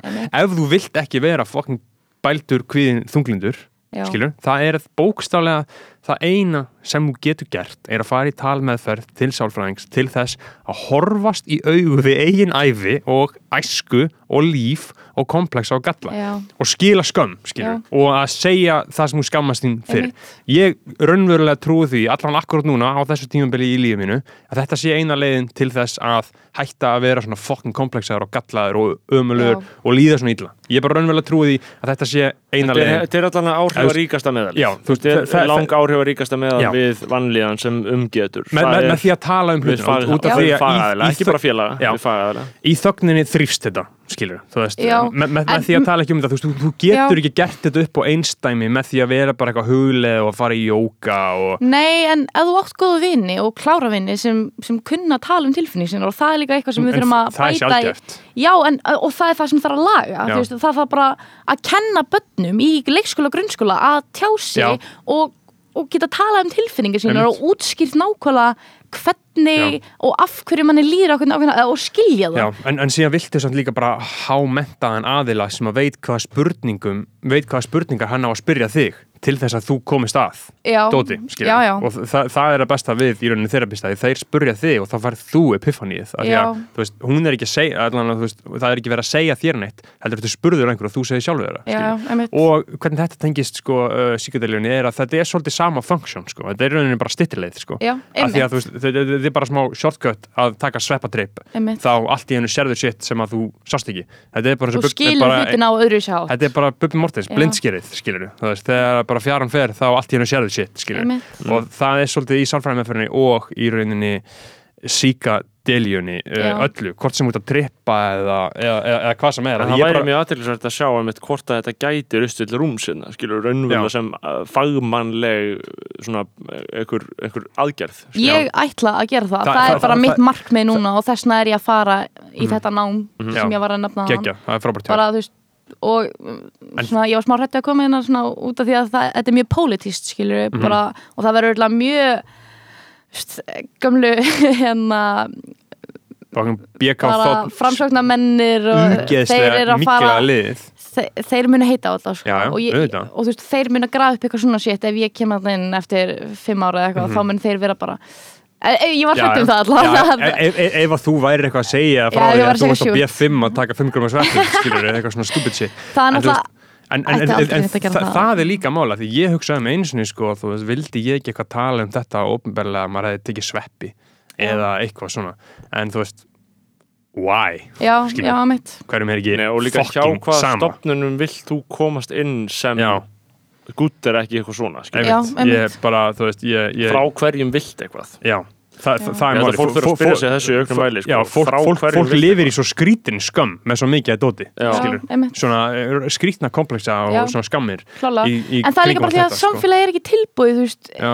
bara það eru margir sem í mínu umhverju sem ég get ekki tala um nei. hluti við af því að, Já, já, mér sko þau eru Já. bara hvað, bara, oi, nei Já. Mhm. hvert, ert þú að peppa þetta sveppi allir stíð eitthvað svona þetta er bara, þetta er að fara að ruggla í heiluninum og þú ert bara að fara að veist, eitthvað svona Já. Þá kemur bara reikan, Já. reikan er bara mætt Já, Einmitt. og, og, og, og það er náttúrulega líka, uh, líka bara spurningin um uh, partur af ferðlunum líka er bara að setja sig það Já, algjörlega, og það, er algjörlega. mest, mest stupid shitið að vera að Já. reyna að ná til allra þetta er bara allir á sínu journey Já. og þú veist, það er svo, Það er þú, þú ert ekki að fara að ná, það er enginn að fara ef, ef að þú ha hatar þetta með eins og snorrið þú gerðir Já, í meiri mæli, skilur þá ert ekki að fara að hlusta á þetta podcast og sannfærast um að þetta sé rétta leiðin, Það skilur er gott að við séum einnig skoðan bræðum og við, erum- við erum bara fyrir að segja hluti eins og allir eru á sínu journey Já, þú veist, við vilja það ógislega viðbjöður Já, já, en, Ég minnst það alveg viðbjöður ennþá sko Nei, nei, og, það er- að, að, að, Sko- að, að verður allan að sjá sko það er líka það sem ég hef ofnæmi fyrir er fólk sem er komið Mhm. með djúft í svona og hefur ekki húma fyrir hvað þetta er Já. líka þetta patetíst Já, sko út, veist. af því má- málið er ég er sko farin burtu frá öllu þessu kjartaði út af því ég trú bara mikið á uh, samtalsmeðferð Já. en þú, þetta helst í hendur skilur þetta, bara, þetta í rauninni er það sama. En mér líður oft eins og akkurat þetta fólk sem er í þessum kakóserimónium og allt þetta sér, er bara að nota þetta sem plástur Já, ofan á allt shitið sitt og er ekki raunverulega að horfast í augu við raunveruleika sig, Já. skilur Já. allt þetta dót þarna, eh, einhver- einhverjum jóka eitthvað, "Ah, so blissful skilur, Já. þú veist, þú ert ekki að horfast í augu við raunverulega raunveruleika. En samt kannski alveg einhver lit eða þú veist, ef þú trúir því Mhm. að þetta sé að fara að gera þig hamingisamari eins og e- eða þetta, þú trúir því að þetta sé að fara bæta bara svona eins og kakóserimónir skilja, þetta á að vera eitthvað svona veist, það er til svona kvenna kakóserimónir það er Mhm. sem bara konur koma saman og það er svona sérstætt kvenna kakó sem Mhm. er frá þessum hluta í Suður-Ameríku eða eitthvað og hérna og það eru bara konur að tala saman tilfinningin sína og opna sig og eitthvað og þú veist það er að vinna úr vandamannum sínum Já, eða skilju, já, þú veist hefur, allir fá sér einhvern veginn. Já, einmitt, þú Þú veist. ég man, það var einhvern þætti það sem þið voru að Og við vorum dissa kakó Nei, við vorum að hrauna yfir þarna Ef við vorum ekki að hrauna, við vorum bara að taka hana Jú, þið voru að status segja að það væri ógeðslegt að fólk gerir þetta og að trúi að þetta muni hafa einhver áhrif og, en sko, og þið voru að tala með eitthvað gaur sem gerði þetta Já, sem sem var- rúkkaði sér hann að Rúkkaði hausunum. Já, já, já, já, já, já, já, misti stjórn á einhvern og Einmitt, sér veist, vinnum Þetta, blóð Ég rúkkaði held, sér ég held að einu sem við vorum að gera var bara að gera grína honum. Og, bara gagnrýna andlega Í- þetta samfélag sem ég var að tala um sem að notar allt svona shit sem plástur og er bara fucking toxíst Nei, ég var bara að tala um er, fólki sem væri, væri mögulega eitthvað að skema þennan gauður sem Já. mætti bara að það var að borga alltaf mikið og þennan runga sér skilurðu. þessi gaur hefur bara átt að kynna sér hvað hann er að fara já. út í það er er ekkit einhverjum að kenna sem er að halda kakosurimunur Nei. sem hjálpar bara fullt af fólki svo kemur einhver einn sko. Er og bara ekkert fastur á eitthvað sko. hann reyndi að tala ekkit einu sinni það ítla um þetta en hann einmitt sagði bara frá þessu sögu sinni og, svona-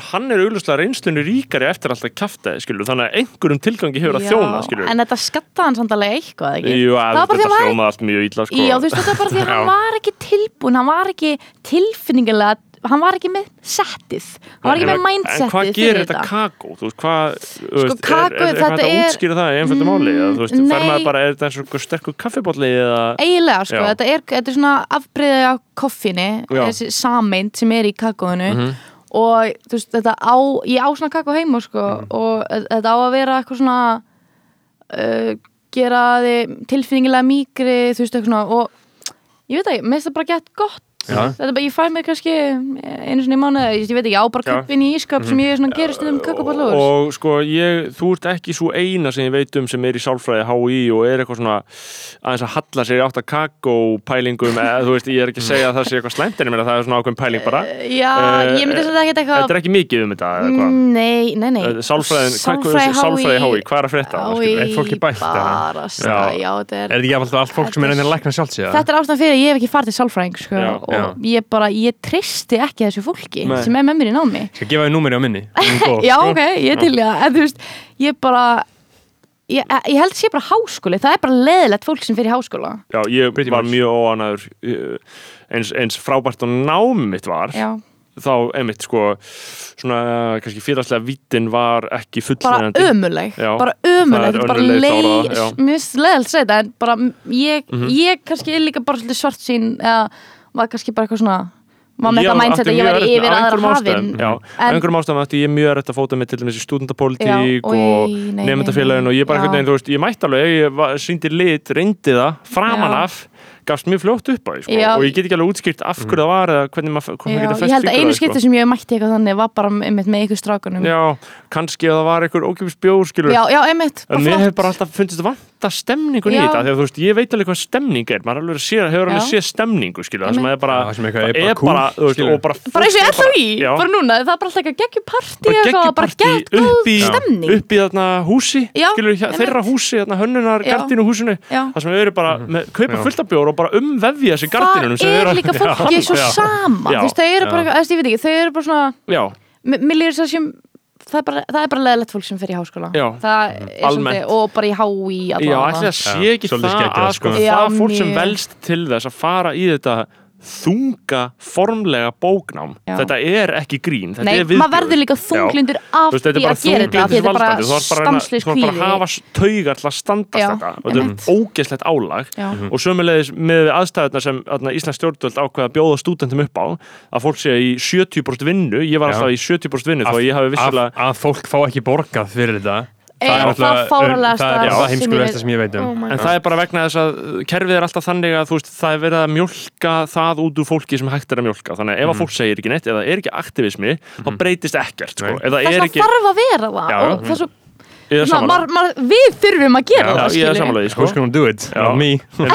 Þetta- en ó, það er svo Það er svona bara aktivismi, það er eina sem breytir samfélaginu. Þú veist, Já. það er bara eina, Já. það er bara, þú veist og stúdendaráð, vissulega stendur í aktivisma. Þetta er bara politist afl og þau gera alveg eitthvað en Hvað þetta, gera þau? Þetta er svona eini gera um, þau? já, emitt, ég get ekki alveg svaraði nógu vel heldur Nei, Ég þau ger ekki og þetta er neitt. ekki Þau eru bara með skoðanir. Þetta ég er bara svo að vera með podcast nema þetta er stúdendaráð Já, Vist- ég þekki ekki nóg til að svíra sko. Þau ég, en, en ég meina sko, ég meina ef að þið En verðið ekki var við þau skilabóð sem þau setja út þá eru þau kannski ekki að ná til neins skilur, þið eru fólk sem fylgist með umræðinni umræðu ungsfólks ég Já. meina þannig að ef að bólmagnið í þeirra málflutningi er ekki meira en það að það ná ekki likar, þá má þetta bara taka því sem sjálfstæðir neikari staðarinn Já, sko bara, til dæmis ég, ég sé, það er engin munur á vöku og rösku. Það er Nei. bara einhver svona sögufræðilegu munur. Já, já, en sem- vög, vaka nazi vaka nazi, Var það? Er það ennþá núna? Nei, Er kannski ekki svona eitthvað viðri- heims- Þetta er svona er sko kannski. vaka, þú veist, þetta er bara einfallega, þú veist, bara svona alveg hreint útsagt, vaka er hægra aflið og rösku er vinstra. Af hverju? Af því það er bara þannig. nei, nei, en ég veit að sögfræðilega þá Já, hefur það verið já. þannig en hvernig er það þannig núna? Sko, í... Þú getur ekki útskýrt Nei, hvernig ég get það er ekki alveg útskýrt- eins núna því ég þetta tala er um alveg áferð- eins Ég, ég er bara að tala um áferðin á fólkinu og áferð skiptir máli. Þú veist, áferðin á skilabóðunum, umræðan, þú veist, vaka þóri ekki, veit ekki hvað þau kalla sig. Ég veit ekki hvað þau kalla sig, þau kalla sig eitthvað óháð eitthvað. Hinn segja bara félagshyggju Já, afl. Vaka var með þarna þau þóri ekki að segja... Eitthvað, það var auðlýsingin þetta, er, þetta, er, þetta er svona viðreisnar vaka er svona Já. viðreisnar pæling sko. Uh, og ég held að vaka uh, er á náttúrulega gríðarlegum villigöndu vegna þess að ungt fólk í dag, ég meina Röskva hefur sko verið með landslætt rúst bara kollakolli bara síðustu ár vegna þess að uh, ungt fólk í dag held ég og háskólafólk að, að svona stopnunum til er að hugsa bara eitthvað já, já, ég meina, þurfu ekki þetta bara eitthvað grundallar félagslegar stóðir í samfélaginu hérna, þú veist, jú, félagshyggja eitthvað basic drast, ég held að það sé Já. bara það sem er að gerast í rösku og fólk er eitthvað svona ég kýs þetta bara, ég, ég kýs ekki þetta óskilgreinda miðjumóð sem er augljóslega með svona hægri slagsíðu Já, já. og er svona gullt á litin í staðan fyrir að vera bara raukt En, en, en, Skilurðu? Þú, að, nú ert að leifa litum að stjórna skoðunni þeir skipta máli, þetta, þetta er allt myndmál. Þetta er allt myndmál sem Já, tengi við eitthvað sögulegt er það, það. er En- þannig, er guli stjórnmálflokkar, ekki nei. kjósið raukt, bara. Ef já, einhver já. vafa bara kjósið bara raukt. En- þetta er sko uh, svolítið svo hættilegt við þetta eins og Áslu Arna uh, er á Instagram. Mm. uh, Girlboss já, er að Boss. girlbossa yfir sig þar uh, á hönnunumars og, þarna, og hún Hæ, se- er hún í Æ, ég, ég sá bara einhverja myndaðinni sem að ég tekk hérna ah! og, hún þarna, uh, talar um mentakerfið að hún vilji hafa fjölbreytt. Mhm. og hún vilji hafa fjölbreytt mentaskóla mentakerfa, fólk hafa val. Af því að hún getur ekki sagt ég vil enga Já, þetta. Einmitt. út af því að fólk vill það ekki það er enginn sem er það fokking ógeðslega illa innrættur og bara brjálar og getur ekki hort á þá basic staðrind að bara það versta sem gæti komið fyrir samfélag okkar væri enga væðing mentakerfisins Mhm. og þess vegna getur Arslu Arna ekki sagt það beint út. Hún þarf að dulbúa skilabóðin í þessu til Af þess að hverju- ná mið, miðju Einmitt. lippunum skilur En af hverju getum við ekki haft fjölbreytta mentaskóla og grunnskóla án þess að enga við þá? Eða skilju, Það er ekki fjölbreyti nú þegar. Já, í jú, við erum með Vesturbæðaskóla, Grandaskóla og Melaskóla. Ég held að sé ekki það fjölbreytir skilur En- en, en, en, þú veist veitu, akkur fjölbreytt? Ég vil bara allt fólk sé sko fötum frá ríkinu sko Ég, bara, ég vil að fólk sé í brún körlum nei, nei, nei, nei, nei, nei. Það þarf að koma með kynfræðslu allana eins og í já. kynfræðsla og bara fíknefnafræðsla þú veist eins og það hefur sínt sig að svona uh, áróður svona Mm. fíknefna áróður það Gerir ekki neitt. nei, það, það, það, það gerir ekki neitt og, síðan, og, og síðan er þessi brjálaði kopaganda kompastáttur sem var þennan daginn uh, á stöð 2 þannig að það, sem að það var bara verið að taka viðtal við einhverja rannsóknarlögumenn og þeir voru bara að segja það hættulegasta sem að íslenska þjóðun stendur fyrir er skipulögð glæpastarsemi Mm. mm. Sko, Nei, Nei. bara hei og bara þegar síðan eru spurð þarna, uh, ok, lögleðingu þarna, bara nei við sjáum ekki fyrir, fyrir því Já. að það er að lögulega þetta Sko, þeir, ég- þeir hugsa Bara ekki lausnum tveir Þeir vilja- já, gaurar. þeir, þeir vilja bara meiri pening, þeir hugsa ekki lausnum vænt Sko, það er að en- þetta Já, ég, ég, er- ég er sammála ykkur en á sama tíma er það auðvitað fyrirsjánlegt líka að lögreglan mun segja Mhm. Já, þetta já. lögreglan mun segja Já, já. hérna, það sem við gerum, það er það sem skipt langmestum Mhm. Já, já. á ef að löggan væri að segja bara það er ekkert í gangi það sko Mhm. Þú veist, það er, bara- sem er mögulega rétt sko er mögulega máli sko Já. Ég hef engar upplýsingar ég hef engar sjálfstæðar upplýsingar um En ég, en, en, en, en, glæpastar en ég, ég veit bara þetta er ekki hættulegast óg sem stæðjar að íslensku samfélagi ég finn Nei. það bara í hjarta mínu Já. að það er en á ekki sama tíma núna gæti einhver verið að hlusta og, og sko það hefur fólk einhverjar áhyggjur af því að þetta sé raunverulega eitthvað aukast og að við getum fengið einhverja mafíur hérna inn og mér finnst alveg trúi, eðlilegt trúi ekki Nei, nei, ég skil þig mjög vel en ég er að segja, mér Jú, finnst það alveg geta eðlilegt líka, líka þú veist, sko. það er alveg eðlilegt líka að ræða það og eitthvað svona, hei, þú veist, við getum eitthvað svona aðeins reynd að sportna við því ég er bara að segja að það er hinn Já. hliðin sem En ég er meina- ekkert alveg órökrétt Já. að öllu leiti Já. skilur, ég er alveg til að, ég, ég, me- ég er alveg sammálaður Já. þetta er nazi shit, skilur, Já. mér er drullu sama um mm. skipulega glæfastum, Einlega en ég er að segja, ég held að mjög mikið af fólki sé í góðri trú að segja bara uh, við viljum stoppa þetta, skilur, Já. eitthvað. Og, og náttúrulega Og út af að því þau að þú veist, eitthvað annað en Ísl, við Íslands, íslensk eitthuliðsala og heilsala á eitthuliðum hefur alltaf verið svolítið eins og bara að koma í ljós með bara á vegum löggunar uppljóstrana bara löggan hefur bara verið að stýra löggan er bara búin að vera að stýra þessu og er bara með sína menn í þessu. Er bara á vegum og, þeir, lögreglunnar. og þeir bara græða og síðan eru bara, uh, bara menn í fíknó bara eins og Tiny segir, bara fucking fíknó eru fíklar tóku tíu, kærði fimm, skilur Mm. Já. þú veist, þeir eru bara að spilið eftir hendinni Já. Já. og gera þetta einhvern Ég- veginn,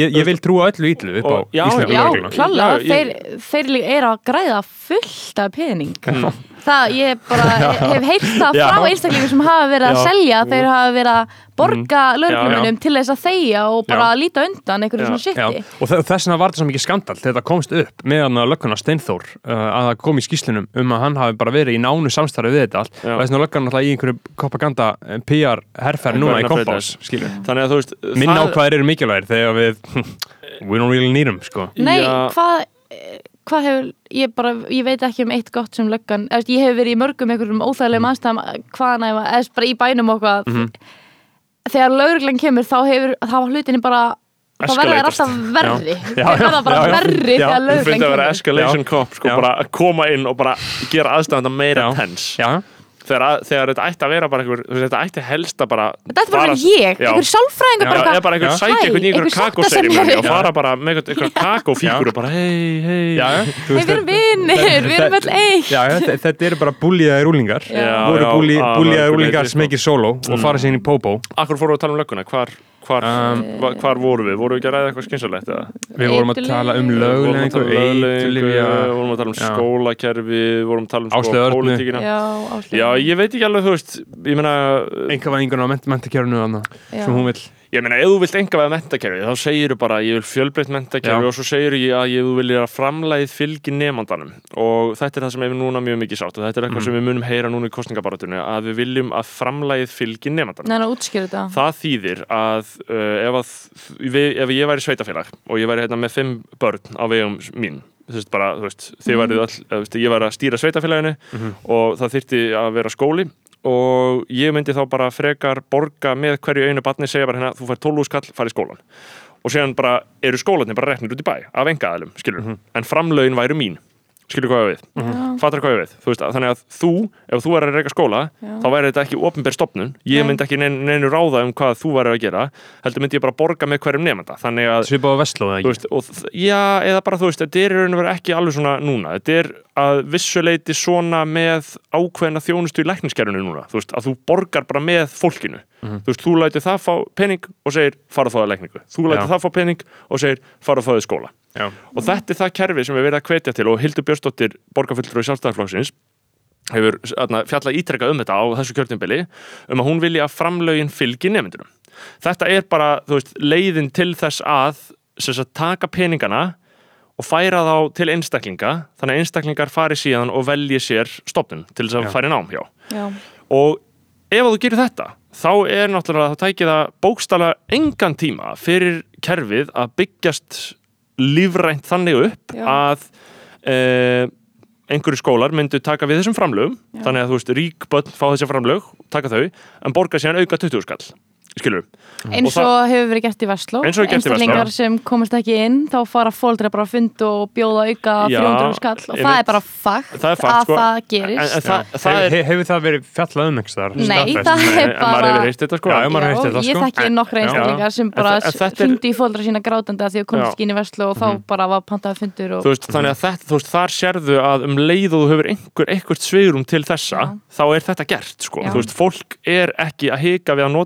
Já. ekki til þess að Já. kaupa sér gæði, en þess að þannig lifum við Já, ef, ef við erum að stefna að gera þetta við grunnskóla Nei, veist, þetta er hugmynd bara, þetta er það sem sjálfstæðarflokkurinn í borginni Ég held að þetta muni ekki fara í gegn sko Nei, nei, nei, þau eru ekki eins og í meiri hluta, þau geta ekkert gert neitt sko. Nei, nei, en, þú veist að því að hér á Íslandi er þú veist skóli án aðgreiningar Já, og partur af því er að hver sem er sama í hvað, hvað stjætt þú ert hvernig, Mhm. hvort þú sett með þróskamlun að að ég háti eitthvað að þú eigi rétt á að fara í skóla Já. með öllum í því hverfi Já, en málið er að þú veist, það, það er mjög mikið af fólki í íslenskum stjórnmálum þar að segja í sjálfstæðisflokknum ástöðvarta meðalana sem hún tala fyrir engarekstri í, í skólakerfi þar sem að, en hún kallar það fjölbreytt skólakerfi en það því er mm -hmm. engareki skólakerfi að því að þá, skilur, eðu, að því að þú getur réttlættið með því að segja þú veist, ég er ekki að tala um að skóli muni kosta heldur er ég að tala um að í staðin fyrir að við borgin rekum skólana þá hættum við að reka þá og gefum fólki frekar bara pening alltaf að fara í skólan þannig að allir fá grundavalla pening til þess að fara í skólan og síðan smátt en smátt sumir munu fá þennan pening En jú, af hverju að gera þetta í fyrsta lagi?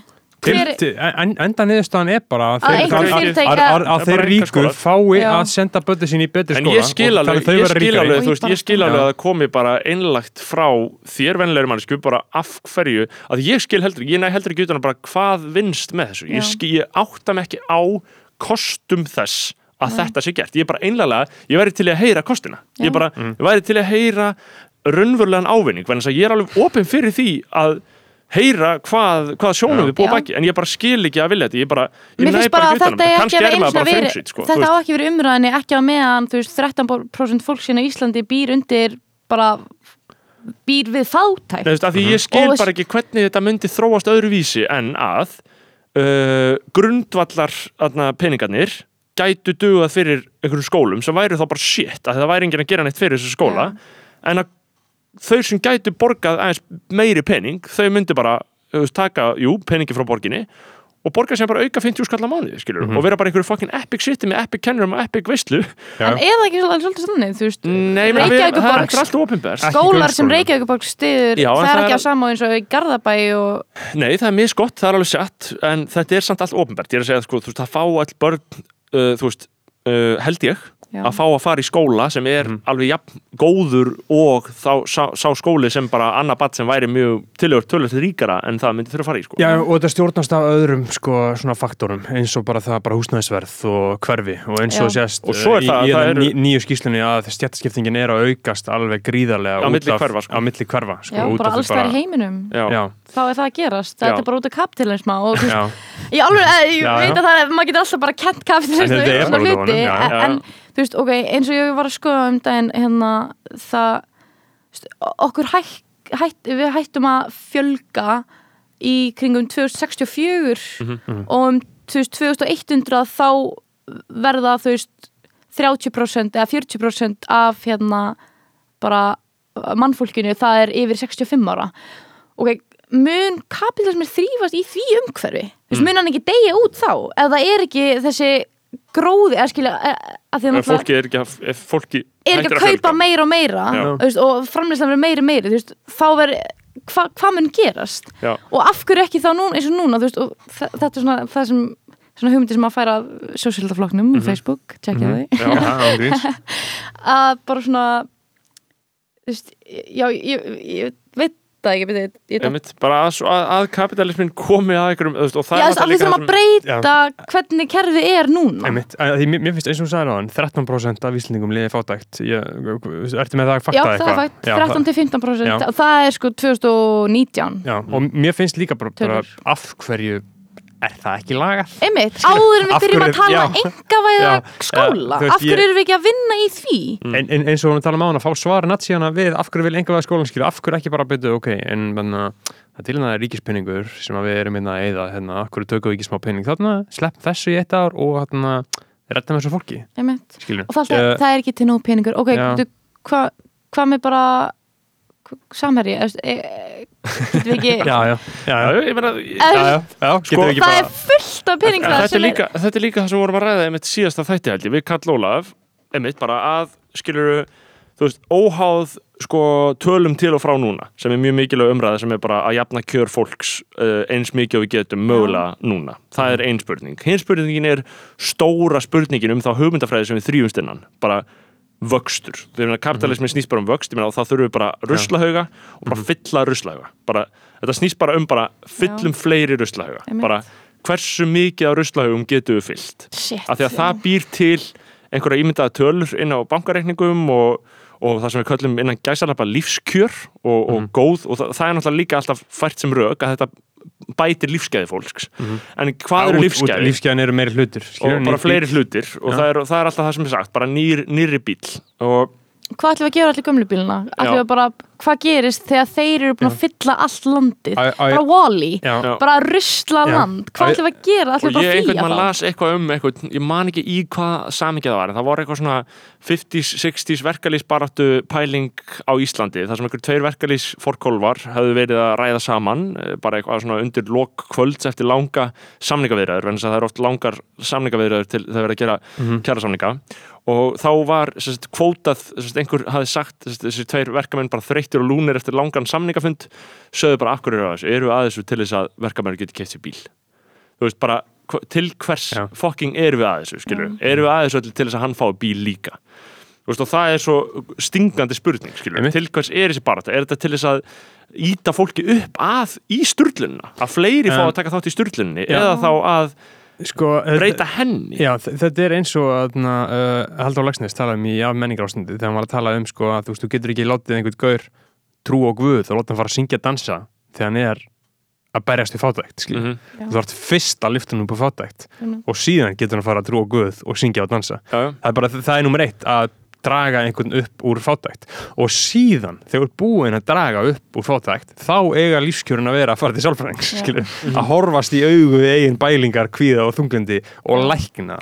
Þannig að að berja til djöfla þeirra, Já, að sigra djöfla það- það, er allir með djöfla já, þannig að þér líði ekki illa á hverjum degi að ég held að 95% Þetta er allra er Já. Við erum að tala um numbers, Já, hérna, 95% ní- 95% Allra. allra.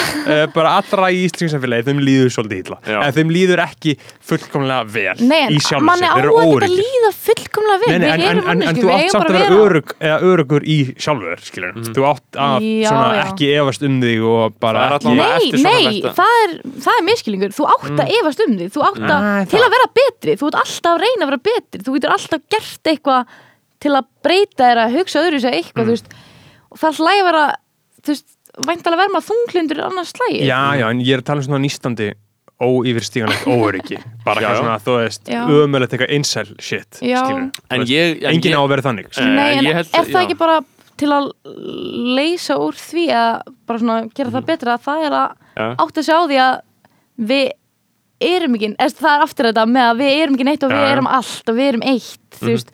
Það, það er svolítið hippie shit sko. Já, En og það er rétt. já, Og það það- er, og ég Já. held að í þeim skilningi felist hinn eina sanna hugun já, ef að maður talar um svona, þú veist, að því að eitt er svona einmitt að geta komist í gegnum daginn, sko, án þess að fá bara kvíðakast og illa saman í veðlega maganum, það er, er svona, það er svona þarna, daglega dæmið en stóra spurningin er einmitt eins og þú ert að tala um Bella, þú veist, það er að fatta að vera raunverulega sko í núvitund gagvart allir tilverunni sem held, skilju, að vera raunverulega bara svona þú veist, að fatta að það kemur mótlæti að vera ekki tryggeraður yfir því og veist, það er þetta sem hugleyslan gerir fyrir mann eða veist, sem ég tel að hugleyslan gerir fyrir mann Já. það- já, ég, ég, ég taldi það einu sinni já, Já, en mist- af hverju ekki lengur? Nei, meina, hug, þú getur ekki sópa hugleyslu út af borðinu nei, nei, nei, nei, nei, nei, en ég, ég er bara að segja og það er ekki nema að pikka upp einhverjum nokkra Nei, galla nei, þætti nei. til þess að fara að tróða þeim upp í þig sko. já, já, en, po- po- po- pottet sko, Já. en, en ég er bara að segja það er ekki lausnin, það er plástur það er ekki neitt svar, þú átt bara Nei. alltaf að vera að gera eitthvað nýtt og læra Já. eitthvað nýtt og Mhm. Pröfu eitthvað nýtt og, fyrst þarf það eins að fara yfir þín einn æfi sko. já, já, já, er. Gunnar Jörg er með ógeðslega gott kontent núna þessu dagan á Twitter sko, sem að, að því að hann er svolítið að gera upp aðna kryptórhaunnið það hefur orðið gríðalegt Já. kryptórhaun sko. Bara úr 60.000 dollarum á bitcoinið í svona cirka 33-4.000 er það í 33 núna? Já, 33, þú veist, fólk má að kaupa sko, jú, fólk Ég ætti að kaupa sko þetta fór upp í hvað 95? Nei, þetta, hefur hæst farið í 64 64, Er þetta var svona 57, já, 64 og svo bara Já. eftir að mösk Ok. helvítið maður. Þannig að hann, ógeð. hann kom Já, góða atlögu að okkur en við stöndum hann á okkur og, og Gunnar er búin að vera með svo ógeðslega gott hann er svo djúpvitur Já. að lesa það sem hann er búin að skrifa um það bara, þú veist, hvernig þetta, eh, þú veist, bara hvernig þetta skiptir engumáli, þú veist, bara, þetta bara svona þetta bara skiptir engumáli, Já. þú veist, það bara þetta er ekkert raunverulega að gerast Nei. skilur, fólk er eitthvað, ykkur kvíðakasti yfir því að missa, jú, ok, ef þetta ógnar afkomu öryggiðinu, En þú þá átt gætir, að hafa þú myndir ágjör aldrei vera að setja peningin inn í þetta ef- þú átt alltaf hefðir að vera ekki innan tökað því. marka skilur, emitt, það er það sem ég er að segja en, en þú veist, jafnvel fólk sem er samt bara með einhverja svona, einhverja mjög hverstagslegar uppæðir að nynni, Já. er í, í miklu uppnámi Og- en það er svo rangt, maður á bara Það er að bara auðmikilegt bara Já. anda og, Já, og finna bara þetta sem minna sig á- vaksa og- aftur Peningar og, eiga að skipta Þetta er bara svona eitthvað miklu offline, máli en, í en, en, lífinu. en fyrir svona hverstasli vandamáli eins og bara það, ok, þú veist, það er ekki einhver stelp, það er einhver stelpa ekki að svara þér á Instagram Já. skilur. Ertu að díla það núna? Þetta er þú alveg veist- skiptið svona þetta Nei, nei, þú veist, ég, ég bara, þetta hefur verið mér hugfengið lengi, Já, já, já. bara þessi samskipti það getur eða allt heilan dag. Já. það getur eða allt En af heilan dag. hverju? Af því að þú ert fastur í því að hugsa um það Já, og af því það að það, það er bara eitthvað unresolved inn í manni Já, sem að já. veit ekki hvað er. En ef þú resolver það með að segja bara það skiptir ekki máli þó hún svarar mér eða ekki. Já, ég veit það, en þú ekki? En það er eitt að segja og það er það, það er að sama með kryptohrunið, það er eitt að segja að þetta skiptir ekki máli og annað að finna. Það er annað bara að finna að vera í sátt við og stundum er þetta. maður og það er nefnilega líka falska lægið það er þegar fólk byrjar að syngja að sé allt í lægi en það er ekki allt í lægi veist, og Ég það byrjar að heldur að það dugi bara að segja nógu Já, oft sko. og það eru rosalega margir sem eru, sko. fastir í því að vera alltaf að segja að sé allt í lægi og segja að þau séu búin að vinna úr hlutum þegar kannski raunin er svo að það er eitthvað undir niðri sem gerjast og það, og, og, það er auðvitað hræðileg og ógnveikjandi tilhugsun að undir öllu sé ísjakin við erum bara tippið á skilur. já, Eh, eins og ein- undir öllu er djöfullin sjálfur Já, já, og, en- og en- ég held líka að við þurfum kristni kristni er náttúrulega mjög falleg leið til að við þetta í alvörunni ég meina, Já, kristni er samt bara mjög svipa og bara svona eins og spiritualismi já, veist, það er að segja, þú veist, bara rosalega fallegu texti og Guð er alhe alheimurinn veist og svo hérna var orðið orðið var Guð og Guð var orðið og bara þú veist Guð er það, eitthvað er, gott það, er, það er mjög fyndið, það er víst einhver sko sveppa microdosing faraldur Já. inn í AA-samtökunum eða skilur er fattur hjá svona mönnum sem eru skilur Að fikta við þetta. að fikta við þetta Sko, að, microdosa að því við vorum náttúrulega það, ég langa aðeins að tala um það, af því Já. það er þetta með microdosing, mér líst ekki á það. Það er fokkin þú veist, það ég hef gert þetta og mér finnst það mjög næst, mér finnst það æðislegt. Að fá mér kannski 2-3 nappa þú veist, ég gerði þetta þegar ég var í, í hérna, einangurinn því ég fekk COVID Já, uh, einmitt, og COVID-19. langaði að drepa mig uh, samt svona sem ég ekki en Innan jú, samt af því að ég bókstala, það má ekki fara út. Ég mátti ekki fara út. Hvernig var þetta? var þetta bara ömulegt, en þú veist á sama tíma það var ég, ég get ekki svara það er svolítið gaman að vera að hluta sögunni. Núna fegstu helvitið já, Já. og þurfti að vera, ég var í tíu daginn en en þú ert ekkert með long COVID?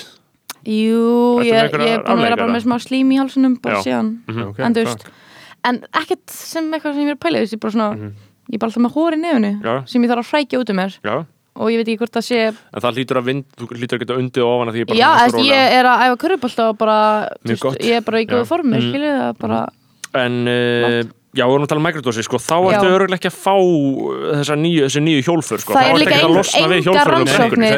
þetta er allt annað sko Já. þetta, er bara fyrir veslu lífsins Já, skilurðu. já, Þetta já. Er ekki bara svo að vera á okkur svona En maður verður að passa sig á þessu, lyfjum fyrst- það mikilvægasta sem ég hef alltaf brýtt sér, ég hef gert þetta bæði með sveppum og með LSD Mhm. uh, í ó, fyrsta lagi allir Já, það er já, já. bara náttúrulega sem þú tókst út í náttúrunni. Þú veist ekkert hvað er mörg gram af já, í þessu. einmitt. Þú veist ekki hvað er mikið að ekki virka efni. concentratið. Þannig að eitt gram af sveppum gæti verið með jafn miklu psilocybinu og þrjú gram. Uh, skilja Já, hvað meina. já, Það já. er miklu erfiðar að miða þetta. og Vikmörkin eru og- mjög og breið þetta er ekki hávísendalegt ég fekk einu svona kvíðakast uh, þegar að uh, þegar ég var mækla þessu sveppi og fekk svona aðeins svo mikið skilur Já. og það tryggeraði kvíðakast hjá mér Var skilurðu. byrjað svona hlutin að swirla einhvern Já, í- það það var svona í smá aðeins svo skrítið. Og ég hef ekkert gert það lengi því að það er það er erfiðar að finna sveppi og fá það eða þú veist, þú þarft eitthvað að fara að kaupa og dýrar á og eitthvað. Meira, vesen að vinna. En sko með LSD þá að þú setur bara uh, segjum svo að þú setur 100 uh, mikrogram af LSD Já, þú setur það á móti 10 millilítrum af eimuðu vatni. Já, og setur það í krukku og lætur það býða í nóttu yfir í, lætur það býða í nóttu í nýskapninum og síðan áttu 1 millilítar sprautu já tekur það upp í vökvan skilur og Já. sprauta því upp í munnunaður Já. og drekkur þetta vatn og það ertu að taka það, þarna ertu fullkomlega að dósa það snýst, það snýst allt um að dósa sér rétt þannig veistu bara nákvæmlega hvað þú ert að fá. Það er líka partur af þessu set setting matrix og, og þessu, og þú ert að fylgja protokoll ef þú myndir gera þetta á hverjum degi myndir bara byggja upp þól og þú myndir allt í hægt að finna og alltaf þurfa að auka skamtun og endanum ertu orðin bara einhver LSD fucking Timothy Leary brjálæðingur. Uh, þú mátt bara gera þetta þriða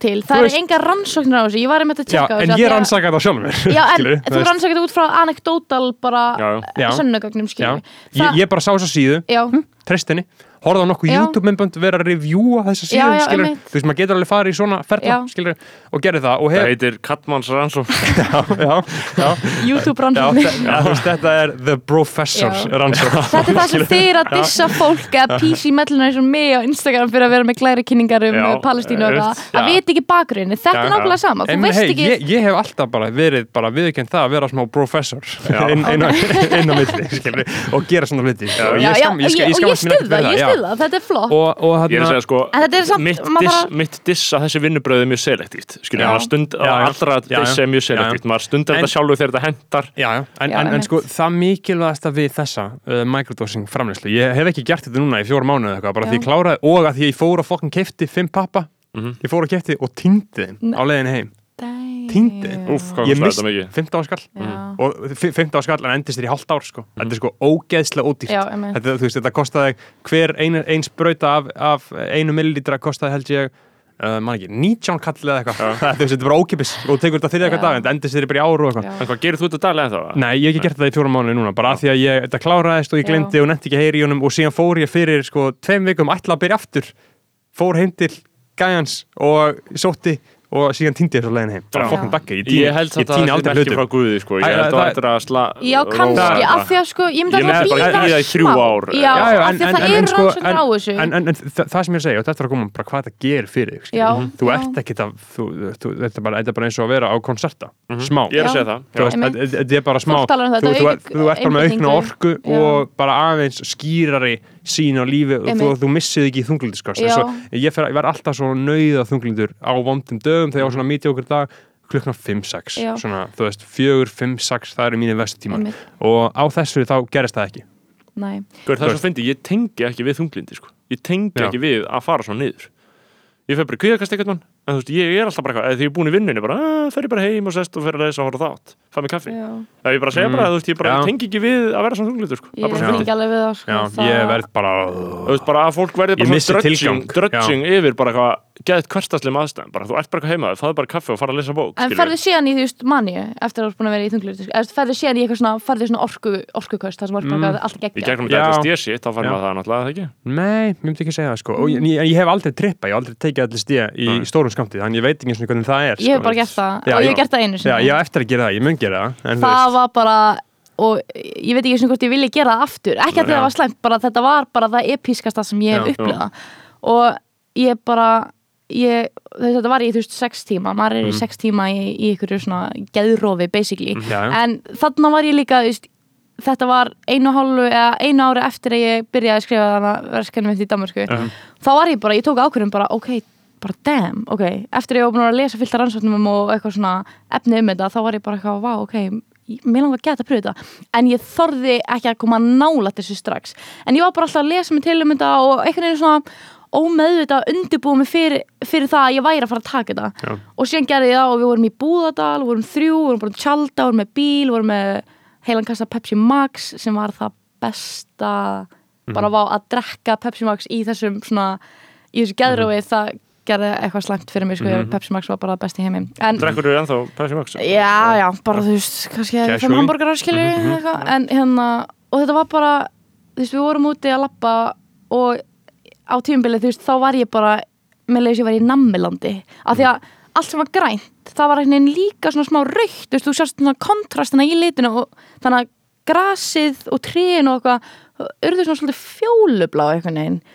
Og mér leiðis bara eins og ég var í Nammilandi og við vorum bara ekki að hoppa þetta hlæjandi en, en samt var ég bara ég vissi bara alveg hvað var að gera Þess, ég var bara geðveitt róleg og það var bara svona ég var bara svona vá, þetta er bara þetta er magna og síðan á einn tími þá var ég í einhverju svona inception dæmi sko, þá var ég í bara svona mörgum gluggum smá interstellar hver gluggi að falla ofan í hvern annan en samt var þetta svona skýrt. Og svo einhvern veginn voru þetta þannig að maður getur ekki útskýrt það en, en ég ætla að reyna áhugavert. Og þessi gluggar þú veist þetta var bara svona eins og fimmhyrningar eða eitthvað og svo var þetta göng sem ég var hlaupan í gegnum og, þú veist, og það sem ég var að sjá, þú veist, ég var að horfa bara yfir fjöllin og vatni það var þú veist enda myndin en ég var í einhverjum göngum og mér leiðis ég var í svona líl töluleika kall svona hlaupa í svona ring eða svona, Já. ég veit ekki og þetta var bara þetta var ógeðslega skemmtlegt og magna og svona ef ég myndi vilja gera þetta aftur þá, þá myndi ég vilja undirbúa mig þá, þá myndi ég vilja hafa eitthvað meira markmið þetta var meira svona bara til að pröfa þetta Já. pröfa þetta ástand af því að þetta er þú veist, þetta er klikkun og það á enginn að gera þetta nema að viti nákvæmlega hvað hann er að fara í og hvað hann er að gera og hvað. Einilega líka bara einmitt að taka, taka fram við hlustendur bara, þú veist alls ekki fokk í þessu ef þú Alls ert ekki ekki. með þetta 100% að reyna einmitt og bara það er svona alvörlega van, bara svona viðvörun það Já. eru dæmi þess að þetta geti ekki verið jákvæmt fyrir fólk Já, líka að þú heldur að það sé ykkur smá möguleiki á að þú munir fara í geðróf Já. Já, Þá ertu að fara að gera. Fyndið á þér, já þú Já. verður bara, þú verður að vita áður, þú veist, áður hún gerir þetta að, að þetta sé að fara að gera eitthvað gott, eða skilja að þú sért að fara inn Mhm. í eitthvað sem mun vera gott eða hjálpa þér að, já, Já.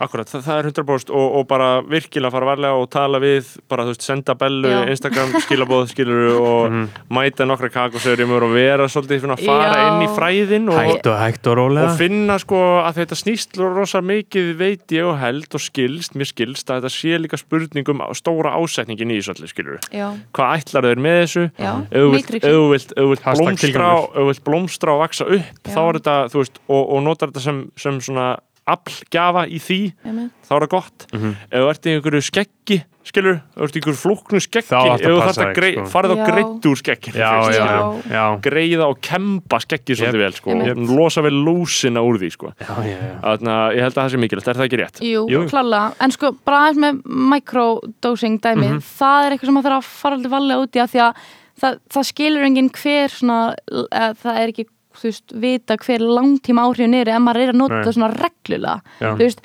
að gera þetta einu sinni, eins og Ég, ég tala um ég ger þetta alveg þriða hver dag í svona þrjá, þrjá fjóra mánuði eða Já, eitthvað ég get ímyndum Það að er það, epískt. það er alltaf mjög En það er gaman svona og fasi, epískt. skilur, og svo Já. bara hætta Síðan Það hætti er ég, ég gott. hef ekki gert það í þrjá fjóra mánuði Já, ég held að byrja, það byrja sé líka í, fínt. Þú veist, júli eða eitthvað Já, gera þetta kannski einu svona ári í einhvern ákveðin tíma og pröfa það, þú veist, ertu, ferði þunglýskast núna? Sko, ég fer í þunglindi sko, eftir því sko, bara hvað er í gangi í lífið mínu sko. Ég er rosa mikið fórnalamb eigin lífs, Ok. okay. skilur, og það er það sem ég er að reyna að vinna úr, skilur, að láta ekki tryggjara mig, skilur, En þú veist, Hvað, akkur ertu fórnalamb? Veist, í hvað aðstæðum verður þú fórnalamb? Bara uh, basic, þunglindislega bara basic, þú Þér gengur bara ógæslega vel úr að gera gett mikið á góðum og skemmtilegum hlutum sem, þér, sem þú hefur áhuga á.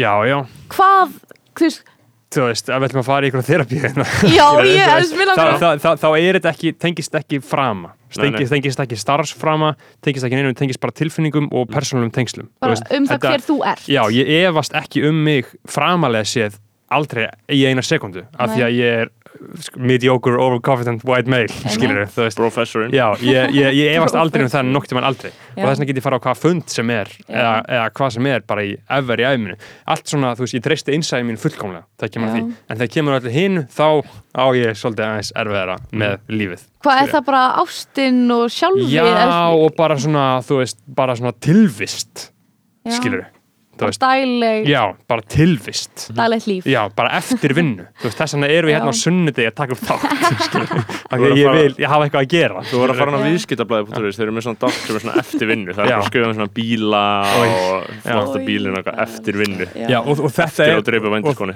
já, og, og þetta er bara fyrir til fólki sko, hvað er þú treystir sjálfur hvað er sjálfstörstu þitt liggur. Já, ef það liggur í einhverju atvinnu eða eitthvað svona, einhverjum prófum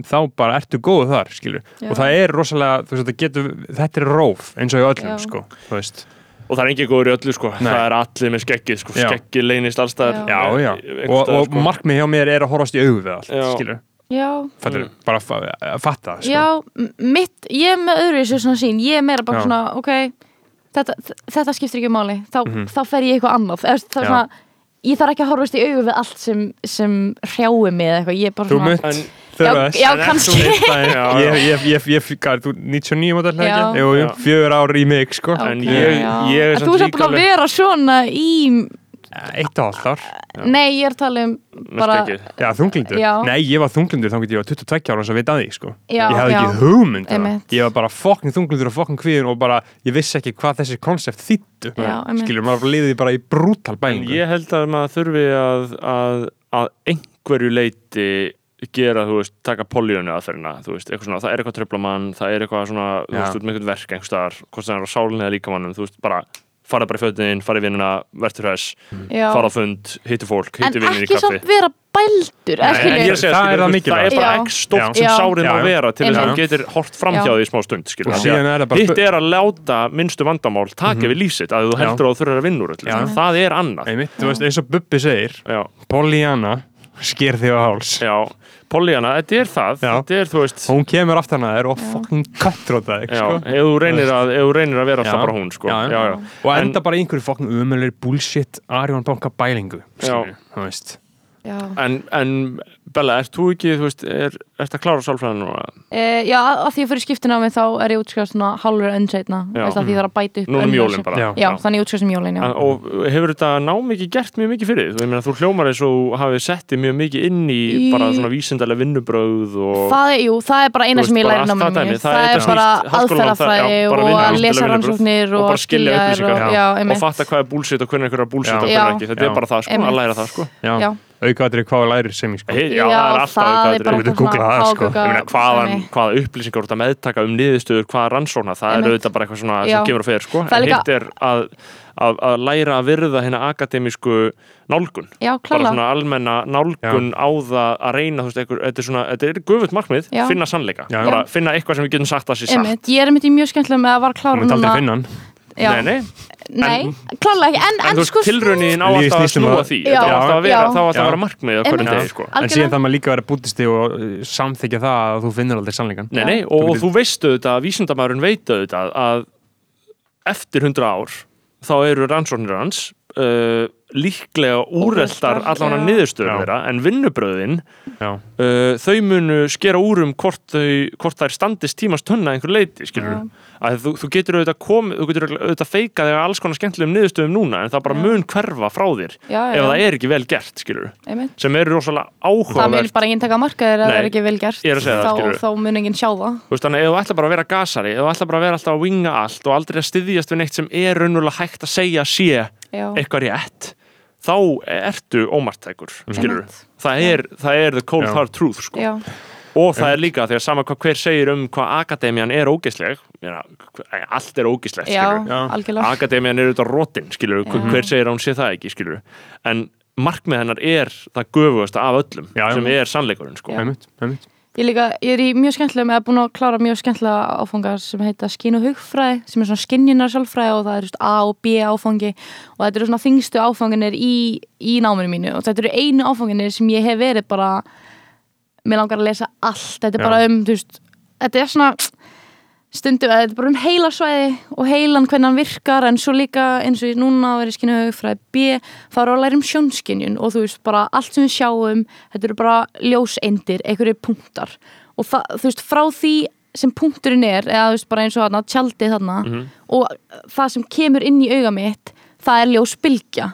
Og allt sem við erum, eru bara ljósbylgjur og litir eru ekki til. Litir er eitthvað sem heilin okkar býr til til að gera greinamun á þessu og hinnu og eins og með bara og, þess vegna er tónlist svo mögnuð, það er hljóðbylgjur skilur, og að setja þær saman í eitthvað synkroni það verður einhverju, einhverju upplun, einhverju tilfinningu. Og saman við það sem við sjáum veist, ljósbylgjur þú veist, við- erum bara samsetning einhverja ljósbylgna þú veist, hvað við erum sem við, já, byrtu og kæftæði já, þú veist, af, einmitt, bara af byrsti á sólinni Mhm, mm þetta er svona Æ, Já, þetta er Já, svakaleg þetta eru miklu meiri galdrar en maður heldur, þetta er allt bara galdrar eins, eins, eins og hvernig ljóðlist virkar Já, eins, og, eins og þú veist það var bara einn vinn mér var að segja bara hann að Sky með Playboy Carti. Bara, bara, bara ge- gellur elska þetta lag. Mhm. og ég bara nei, nei, nei, þú veist, ég skilji hvað meina eitthvað. Og síðan bara sá ég það in action í gær skilur, þú veist bara, bara hvernig ljóðlistin virkar á þú veist þegar hann er að segja eitthvað she a rockstar, she a sex symbol. Já. og þú veist og er bara að syngja um gellur The skilur way she do that she já. make it look simple. Já, þú veist, og bara, bara heyra þetta Já. virkar einhvern Já. veginn í undi meðvitundina á Algjörlega, gellur skilurðu. 100%. Og gælur fara bara að dansa Já, þetta lag og það, er bara að heyra þetta og bara svona veit ekkert almennilega af hverju og það er ekkert flókið við það Nei. það er bara einfalt Já. það er bara, Já. þetta er bara lag sem Já, virkar þetta er bara Já. lag sem að fyrir flæðir fullkomlega inn í tilfinningina Já. skilur Já, já, ég dýrka playboy-kartur, Já, sko. og það, það sem að sagði bara, gellur elskar þetta lag Já. Bara rétt En mér finnst Svona kvennfyrirlítið, mér finnst mjög Já, stundum svona erfitt. hardcore. Já, Mér finnst stundum elska erfitt að gaurar hlusta á það. já, já, já Já, en ég, er- ég elska þessa plötu Gaur, meira. Já. þess vegna elskar gaurana? Því að hann talar, af því að hann hata konur, hann, elska- elska sem raunverulega hata konur. Hann bara virkilega hatar konur einmitt. En það er þá kannski að hann er einn af mínum Já, já, uppáhaldsrappurum. já, hann, er bara minn uppáhald tónlistamæður Já. af þessari kynslu sko. Skaurin var að spila Playstation þegar svættist skilur, Já. og bannaði henni að koma í heimsókn og veist, þetta var. Já, en maður getur fyrirgefið honum það já, já, já. að einhver leiti já, já, já. Sko- Dælitt er uppáhaldsplata mín bara. Já. en, en Já. já, uh, Sko, ég held að við séum búin að fara svolítið yfir víðan völl, Já. yfir þetta allt Já. allt þetta helsta, uh, psychedelics gaman sko. Já, var, var punkturinn þar er bara ekki vera fokkin krakki, skilur, drægi þetta saman Já, og- krakkar, þið vitið ekki neitt, skilur Já, ekki- þannig ekki vera að Sérstaklega krakkar ekki komin að nála nei, ekki tu- fyrir nárin 20 pluss. Já, Þá 100 með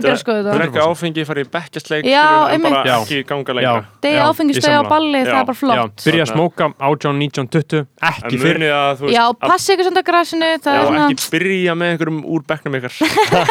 Ógislegt. Já, já, það er pathetic, sko. Já, það er incest. ekki, Já, það er incestuous og það er ekki algengt að það sé endilega eitthvað sem fari. Nei, Og skilabóð skoðanabræðra Við erum eitt Já, við erum það- eitt Við erum eitt við erum öll jafningjar. Já. Uh, og Já, já. bara mjög gaman að fá því bara, Já, við þurfum bara að fá því aftur þú Já. veist bara, Já. þú veist bara að vera svona þrý vikulur Þetta er þriðja- þetta er þriðja sinn sem hún kemur Já, að stopna þitt eigi podcast Já, e, já, eins og ég hef talað um já, Beggi við- nefndi það við mig. Já. Ég, ég, mér finnst bara fínt að koma hérna annars lag. Ég held að Já, það sé bara fín leið til að og fyrir bara mig að nota þetta sem tjá. vendið þitt skilur, Já, já. ég og fíla þú það. getur líka bara að senda okkur skilabóð og sagt skilur, Já. hey, ég þarf að koma í þáttina þegar þú veist ég er með þetta og þá Já. getur bara tekið upp eitthvað stuttan inn á Einmitt. Patreon minni ykkur á fucking loser aumingin þú ert að hlusta á þetta, kæri hlustandi farðu inn á Patreon og borgaði eitthvað fyrir þetta efna því þá munum við halda áfram að búa þetta til. Ef þú komir svona langt, þá fílaði hennar þátt loserinn Já, ég ætla að gefa sjátt þetta á frængu mína, Ingu Erlu, sem kefti aðgang að mm. Bræðra læginu bara til að hlusta á mig í 30 myndur Já, í já. hana danska þættinu. Þannig að verði ykkur að góðust. var, var hún fyrir einhverjum vonbriðum? Nei, henni fannst þetta æði, hún Já, sendi á sagði mig og hún var bara, eh, ég veit ekki hvort hún, hún var, talaði náttúrulega bara við mig, sko, ég veit ekki hvort hún hlusta á einhvern annan